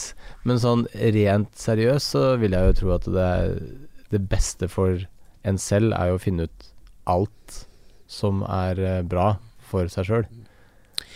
Ja, men jeg Så det der med G-punktet sånn- burde man jo kanskje finne ut av. Men jeg har ikke ja, Det ligger en dildo der, så du kan jo kan Ja, bare den skape podkasthistorie. Den ser for stor ut, ass. Ja, den er litt voldsom, men det er jo en sånn eh, Men den er vel eh, ment for klitoris, den eh, lille dingsebomsen på, på fremsidene. Ja. Det er da en, en lilla-lignende dildo som ligger på bordet ved siden av oss der. Den ligger fortsatt i esken, da. Vi, Ja, vi sitter ikke med han i hånden. Nei. Men, nei, men hvorfor har ikke du vært oppi rumpen da, hvis du Du er jo lege, du vet jo at dette her er faktafeil. Nei, jeg har aldri vært noe interessert i det. Bare ikke liksom um, uh, tenkt Jeg har aldri vært i situasjoner hvor det liksom uh, er Hvor det er kommer? Forslaget kommer på bordet med en dildo i ræva. Nei, men jeg tenker ikke bare en altså, Det trenger ikke være en dildo. Nei, det kan, det kan jo være noe annet. Men, det er masse eh, ting som er Ja, som er formet som at det kan gå inn i et anus. Ja. Nei, jeg har aldri tenkt at det har vært noe sånn Nei, det har aldri vært spennende. Men eh, jeg vet ikke. Jeg syns det er litt spennende, men jeg har ikke den dragningen. Jeg har aldri følt noe sånn her Uff, nå Nå hadde det vært godt med noe.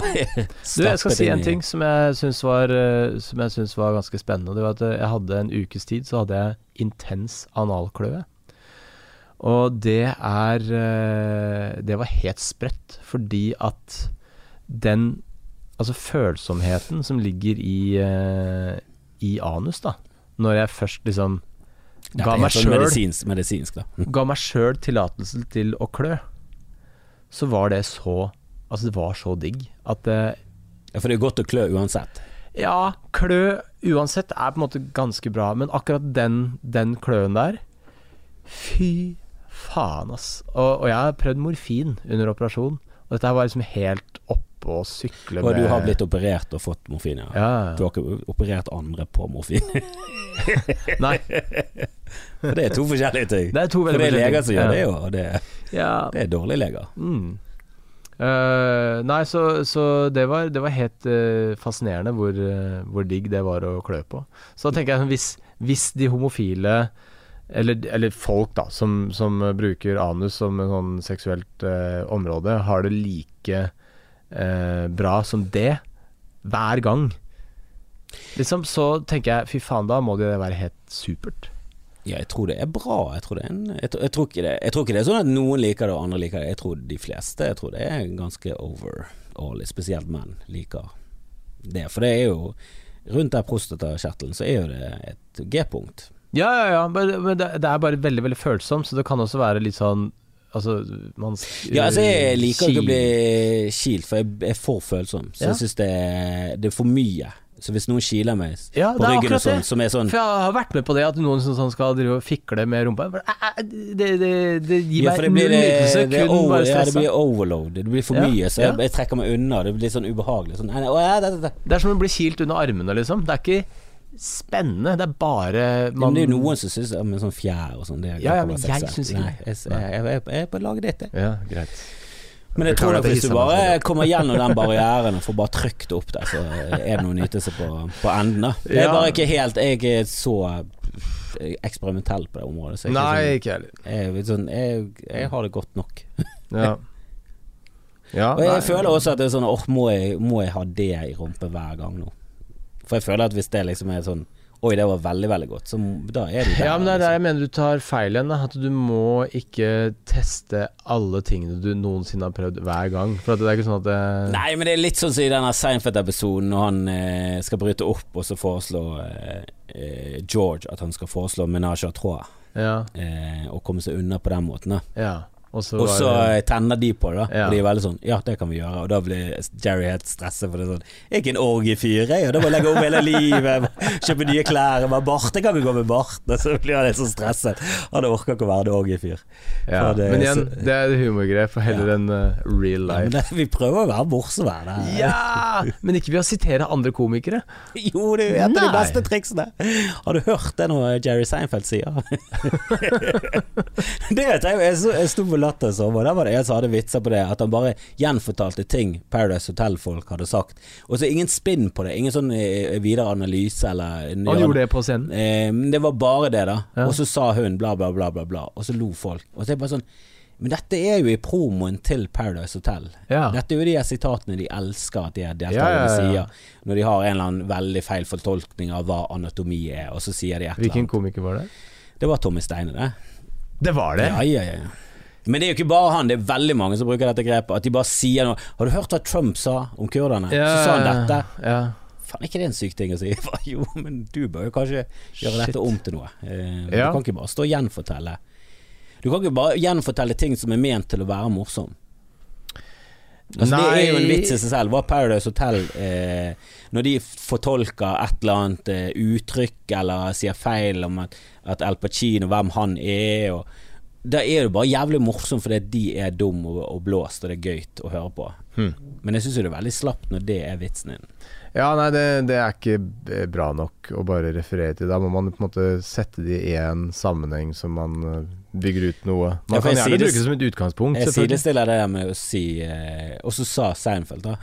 og så bare, og så bare sier Og sånn. Og det er ikke sånn Nei, nei, jeg stjeler ikke materialet. Jeg bare sier hva Seinfeld sier. Jeg sa jo det helt er sånn, ja, du ha litt Du bør kanskje ha noe i tillegg. Men nå har vi pratet i 28 timer, tror jeg.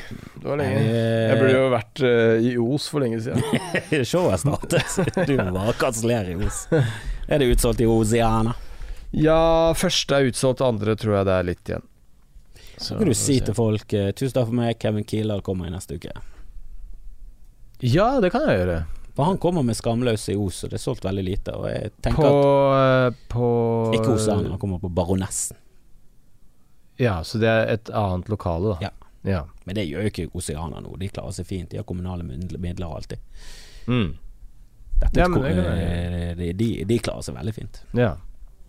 Men det er en jækla fin sal, da. Jeg sto der med ganske få for å være den salen, for den tar vel 500, tror jeg. Ja. Eh, og det var vel bare 150 som jeg klarte å, å kare til med, og eh, det var fortsatt veldig gøy. ja.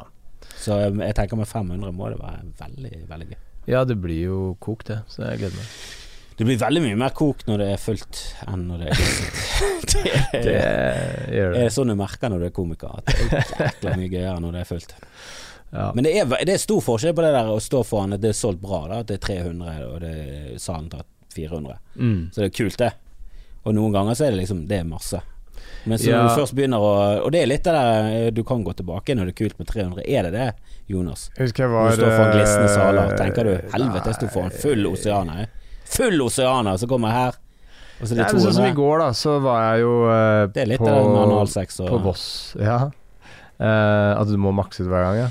Nei, altså, ja, det er jo vanskelig å gå tilbake og så har du den samme følelsen. Da er det sånn Nei, nå har jeg opplevd noe bedre. Jeg Nei, men altså, sånn som jeg har stått Så begynner du å gjøre show med sånn her Med sånn der analplugg. Ja, ja, ja. Det er kun sånn du gjør show fra du av. Altså, jeg hadde jo Olavshallen eh, fullt der, og det er jo kult. Det er 1200 mennesker, og så tenker man sånn Ja, det, det er vilt. Men jeg, jeg ønsker jo egentlig ikke noen større sal for at det skal bli bedre. Jeg, synes, jeg føler det optimale er rundt sånn 400-500, for da har du måtte, nok kontakt med alle til at du har med deg hele publikum. da Og samme som i går òg, så var jeg jo i Voss først, og det var vel jeg vet ikke, 400 kanskje.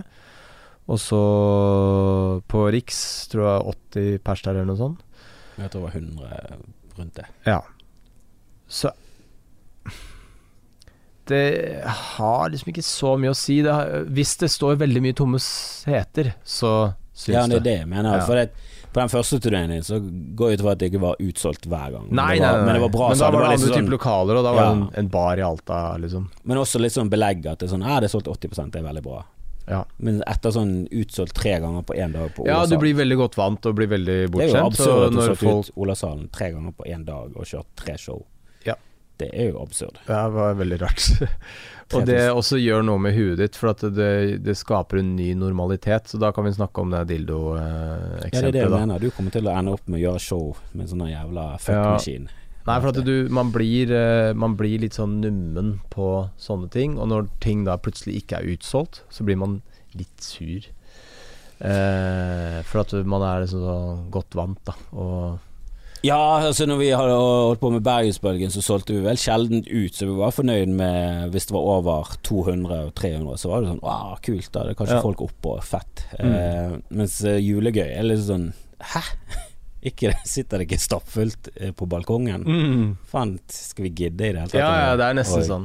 Skal vi gidde å gi full pupp, eller skal vi bare gi dem det de fortjener? Bare gi dem en litt grundig brosjyre. Nei, du blir Du, du legger listen helt annerledes. Men hvordan går det med selvbildet ditt? da? Har du begynt å gå inn på det? Merker du at du At jeg blir eh, megaloman av noe slag? Ja, har du merket litt på sånn eh, divafakta og at du begynner å miste bakkekontroll? Eller er det vanskelig å se? For vi ikke- det er merker det veldig. Ja, dere merker det veldig. Eh, Nei, jeg har jo kjøpt meg én dyr ting. Jeg har kjøpt meg en dyr klokke. Det er den du har nå? Ja. ja den så tjukk ut. Så den er jo litt dyr, da. Solid ut. Men den er liksom ikke så Den er ikke sånn sinnssyk heller. Men det er den type sånn klokke som folk som vet om klokka, de ser hva det er, og de Det er andre er det sånn det, De Tipper prisen så sånn ja, mellom 50 kroner og 200 000, jeg vet ikke hva. ja, ikke sant. Det kan være Ja. som helst. Men så det var liksom sånn liten sånn uh, ikke flashy, til meg sjøl. Han er ikke flashy. Nei. Litt sånn her Harry Hole har jo en sånn klokke Oh, ja. Eh, som han har fått av en eh, ja, Det snakker om en eller annen klokke. Ja. Jeg, jeg har jo en teori om at Harry Hole Nei, Jo Nesbø skriver bøker ut ifra at han leser veldig mye illustrert vitenskap og lignende lektyre, og så noterer Mm. han seg ned Mm. litt sånn offe-ting, sånn litt sånn rare ting. ja. Eh, og da har han eh, ty tydeligvis en klokke som er sånn eh, Patek Williams eller noe sånt, heter han. Patek Philip. Ja, Patek Philip. Mm. Eh, og det er også sånne klokker som ser i utgangspunktet veldig normale ut, og så er de grisedyr. Nei, altså jeg kan jo spørre Jo Ja, om det, for jeg har blitt kjent med han ettersom jeg har Det eh, testes med ja. han, med han. Så sånn sett så har jeg endra meg. Ja, Kan ikke du snakke med han om det? Det har jeg faktisk lyst til å vite. Ja, For Han virker som en fyr som eh, leser veldig mye, oppsøker veldig mye sånn eh, mm. populærvitenskapelige ting, og også sånn eh, dokumentarer. Leser veldig grundig om masse, da. Mm. Og så noterer han seg ned at ah, det var en gøy greie, denne japanske tradisjonen med ditsen og datten og den Mm. kniven der, det må, det må jeg huske. Mm. Og så når han har nok informasjon, så sånn For det er veldig ofte at de der eh, heltene og skurkene i de her bøkene har sånne egenskaper som er sånn én i en million og én i en milliard har. Ja, ja, ja. En, en av skurkene hadde liksom muligheten til å forandre fysisk på ansiktet sitt. Ja. Og det er visst noen som har den. Ja, De liksom Det var derfor han ikke ble gjenkjent i passkontrollen når han kom inn til landet, for de visste hvem han var. Han var en ettersøkt eh, leiemorder. Ja. Men han hadde egenskaper til å forandre fjeset sitt strukturelt ved hjelp av muskler eller noe sånt. Ja, men jeg har i hvert fall ikke blitt noe diva, nei. Hvis det var det som var utgangspunktet for uh, samtalen så når, du snakker om Harry Og så Hole. dro du frem Jo Nesbø-vennskapet ditt ganske kjapt, da. Ja, men det var ikke da eh, meninga at du skulle fortsette å snakke om alle bøkene. Nei, nei, men jeg vil jo vite mer om dette vennskapet ditt med Jo. Ja, men du får jo ikke vite om det ved å snakke om de Nei, forskjellige nei, skurkene skurkene i Det, Harry jeg skulle bare komme med et eksempel eh, som underbygger min teori, og så kan du ta det med deg videre inn til Jo, ditt vennskap. Nei, vi klatrer sammen innimellom. Det er, det er egentlig bare det. Han er en hyggelig fyr og veldig opptatt av uh, sånn finurlig kunnskap. Hæ? Men Mm. hvordan ble du kjent med Jo? Nei, bare via klatring. Klatre med folk som klatrer med han, og så klatrer man med han en dag, og så er det noen som kan klatre den dagen, så ringer du Nei, du kan ringe Jo, greit. Så ringer vi Jo, og så klatrer vi, og så har vi det hyggelig, og så Jeg klatret sånn? i min ungdom. Du må ha Du bør helst være med andre. Ja, ja, ja, men det er jo buldring er jo én metode. Da kan Ja, du buldre kan du gjøre det alene alene, innendørs. Ja, innendørs, ja. Ja. Hvis du faller på en tjukkas, er det Ja. greit. Men det, all utenlandsklatring bør det jo helst være flere i. For hvis noe går gale, til og med på buldring, så går det Ja, ja, ja, ofte det være veldig gale. Ja, absolutt. For buldring er jo ofte opp til fem meter, og det er altfor høyt. Ja, ja, ja, du må ha sånn tjukkas med deg, og det er noe greier. Du har jo egen tjukkas, den har du kjøpt. Nei, det leier faktisk. Du leier. På, Du har jo råd til en tjukkas, kom igjen. klart jeg har råd til en tjukkas. kan ikke du komme med tjukkasen din? du vet meg med tjukkasen. Jeg har, du, ro, deg ned, jo. Jeg har den. Heter ikke tjukkas, heter buldrematte, men det er Ja, greit. ja, Um, Men hvor, ja. hvor vanskelig klatra klatrer du? Hva var liksom eh, toppen av eh, ditt nivå? Jeg har klatra sju på led, altså sånn uh, Ja, du har ledet, ja. Ja. Ja, det er ganske heftig. Uh, så det er på en måte grensa mi. Um, syv pluss, men da tok jeg en pause. Ja, du gjorde det. Ja da, altså med pauser og sånn, så kan jeg jo selvfølgelig Uh, sikkert Så klatre det litt irriterer hardere. litt at jeg aldri klarte den helt uten. Mm. Nei, Men, og eh, på, på buldring så har jeg klatra sånn 6C pluss. Eh, men det er ja. Ja, for eh, når du begynner å komme opp på seks, så begynner det å bli ganske heftig. ja. Eh, Og alt over Altså, klatrer du mer enn det, sånn syv-åtte, så begynner det å bli insane.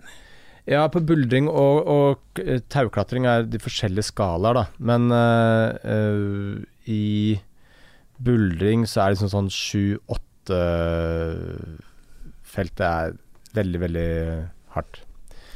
Ja, altså, Eh, jeg klatret jo, og det var jo mange der som var mye flinkere enn meg. Og det er vel Jeg tror det er i hvert fall to av de som har strøket med pga. klatring. Mm. Eh, og Jesus Christ, eh, innimellom så var det noen som bare var Altså, de hadde så styrke i armene at det var helt absurd. Ja. Det som er rart, sånn er jo at man kan bli sånn så relativt uh, ok ganske Eller du har en veldig sånn bratt stigning i starten, og så flater det ut, uh, og så har man så å si null progresjon, da, med mindre du legger ned en vanvittig innsats. Så mm, Og det er ganske irriterende. Så det kan være et livsprosjekt å komme opp én grad, på en måte. Ja, men er det Har du det som mål? Altså, Nei, det som mål, nei, jeg, det, nei. Jeg bryr meg egentlig ikke. Jeg bare syns det er gøy å holde på med. Men jeg bare det er jo gøy i utgangspunktet å klatre egentlig de meste Jeg jeg likte ikke å klatre svar, det syns jeg alltid var stress. Ja, det er falt, ingen som liker det. det. det var, Aldri hørt noen som liker var et helvetes prosjekt. Men eh, alt som var rett opp eller litt overheng, er jo veldig gøy. Ja ja, herregud. Man jeg, føler jeg seg har jo høydeskrekk, jeg var jo livredd hele Ja. tiden. Konstant. Men Har du det fortsatt? Ja ja, nå er det verre. Ja. Ja, det var, på den perioden så eh, sant, Du oppsøker det mye. Du, du, den eh, skrekken eh, går jo ned, da. ja. Og det det blir sånn mer normalisert. Men, ja, jeg husker jo vi hoppet mye mer fra klipper og gjorde galere ting. Har du hoppa Hvor høyt har du hoppa fra? Nei, min bror er jo fuckings uh, psykopat. da, Ja, han er gæren, han har jeg møtt noen ganger. Ja. Og, og det hele den gjengen hans er veldig sånn guttegjeng, da. Ja. Som er veldig på eh, og eh, Ja, alt som er crazy er kult. Ja. Så det, og du får veldig høy status hvis du er den galeste. Ja. Så de, der er det ting de har gjort, det er jo bare helt absurd. Men jeg var med de en gang opp på en klippe som var 21,5, men du måtte hoppe ganske langt ut for i det hele tatt å overleve, da. Ja. For det, det var liksom 1-1,5 meter ut. ja. Eh, så du så jo ikke vann, du så ikke der du landet i det hele tatt. Så det var jo bare sånn Du måtte ta løpefart, og så måtte du bare ah, beine. Og når du er såpass høyt oppe, så er det ganske stor fare for at du gjør et eller annet i luften som gjør at du ikke lander veldig beint. Mm. Eh, så jeg gikk opp der med to stykker, og den første bare hoppet med en gang. Ja, Ja. ja, hvis det har gått der, så fuck, bak, så hoppet han. Og han andre eh, fikk jo det der rushet der, Mm. og så hoppet han på det rushet. Shit. Og da sto jeg igjen alene etter sånn et 20 sekunder, så sto jeg der bare helt alene. Bare hørte sånn stillhet og vind. Og det der bare feiget jeg ut. Og så gikk jeg ned på 16 meter, som er jævlig høyt. Og så, er hopp, og, og så hoppet jeg uten problemer, for det var så, Ja. det var så lite høyt forhold til der jeg sto. Herregud. Men nå, hvis jeg hadde stått oppe på 16 nå, så tror jeg seriøst jeg hadde pisset på meg. Ja. For det er fuckings høyt. Ja. Og jeg hoppet fra 15 før, Da tok lang tid. Men der var det bare sånn Det var så, det var så annerledes, da. Så det der er jo det med terskel igjen, at når du har først vært eksponert for det, så var det Mm. sånn fuck det, jeg går heller ned på det trygge 16 meteren. Ja, ja, ja. Nei eh, Men nå, dette var jo når jeg var Jeg vet ikke, søren, er sånn 17-18, rundt der. Ja. Eh, og du hadde jo en helt annen tro på, på deg selv. Grunn Nå at innser eh, jeg hvor klumsete førstegangstjenesten er på seint på Det er veldig gode soldater, da. Ja.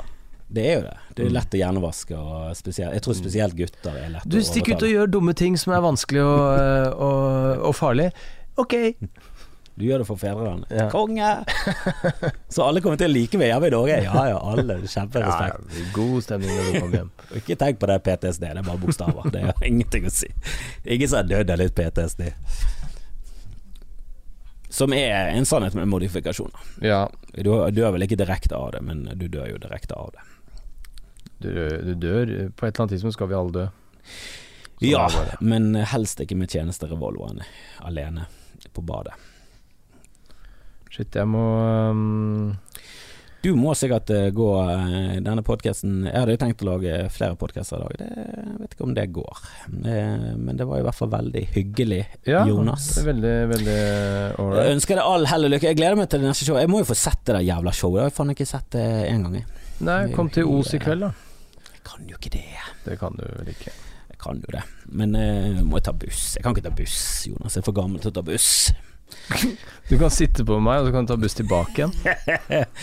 Nei, vet du dette er, en, dette er faktisk min siste frihelg eh, før jul. Så nå er alt frem til jul, er, og litt etter jul, er jobb. Ja. Så jeg gjør aldri noe sosialt, eh, egentlig, på, i helger, for jeg jobber så jækla mye på de her helgene. Det er det eneste jeg syns er negativt med å være komiker, eh, er at du får aldri denne helgefølelsen som andre har. Nei, man gjør ikke det. Altså Veldig ofte når det kommer til helg, så må jeg på jobb. Og som oftest er det, må jeg på jobb når de andre skal liksom sette seg ned og kose seg skikkelig. Da er det sånn Å nei, nå må jeg stikke. Ja. Nei, det er Og det er ikke noe sånn at jeg klager, for jeg syns vi har en veldig enkel jobb for eh, ja, alle andre. Men eh, det er allikevel Du ofrer jo noe. Man gjør det. Men vi får sett mye av landet, da. Det er koselig. Ja, og du er vel flink til å gå litt turer og sånn når du først er her. Ja ja. Alle steder er her. Men eh, slutt å være så jævla kul og grei, da. Trenger ikke å være så jævla kul hele tiden. Jo da. Du går, på noen, går du aldri på noen smeller? Jo jo, jeg har gjort det. Jeg har ikke bare snakka om det. Kommer neste showet. Ja. Jonas Bergland forteller hvordan han egentlig har det. Var det noe morsomt da? Nei, Det var faktisk ganske trist.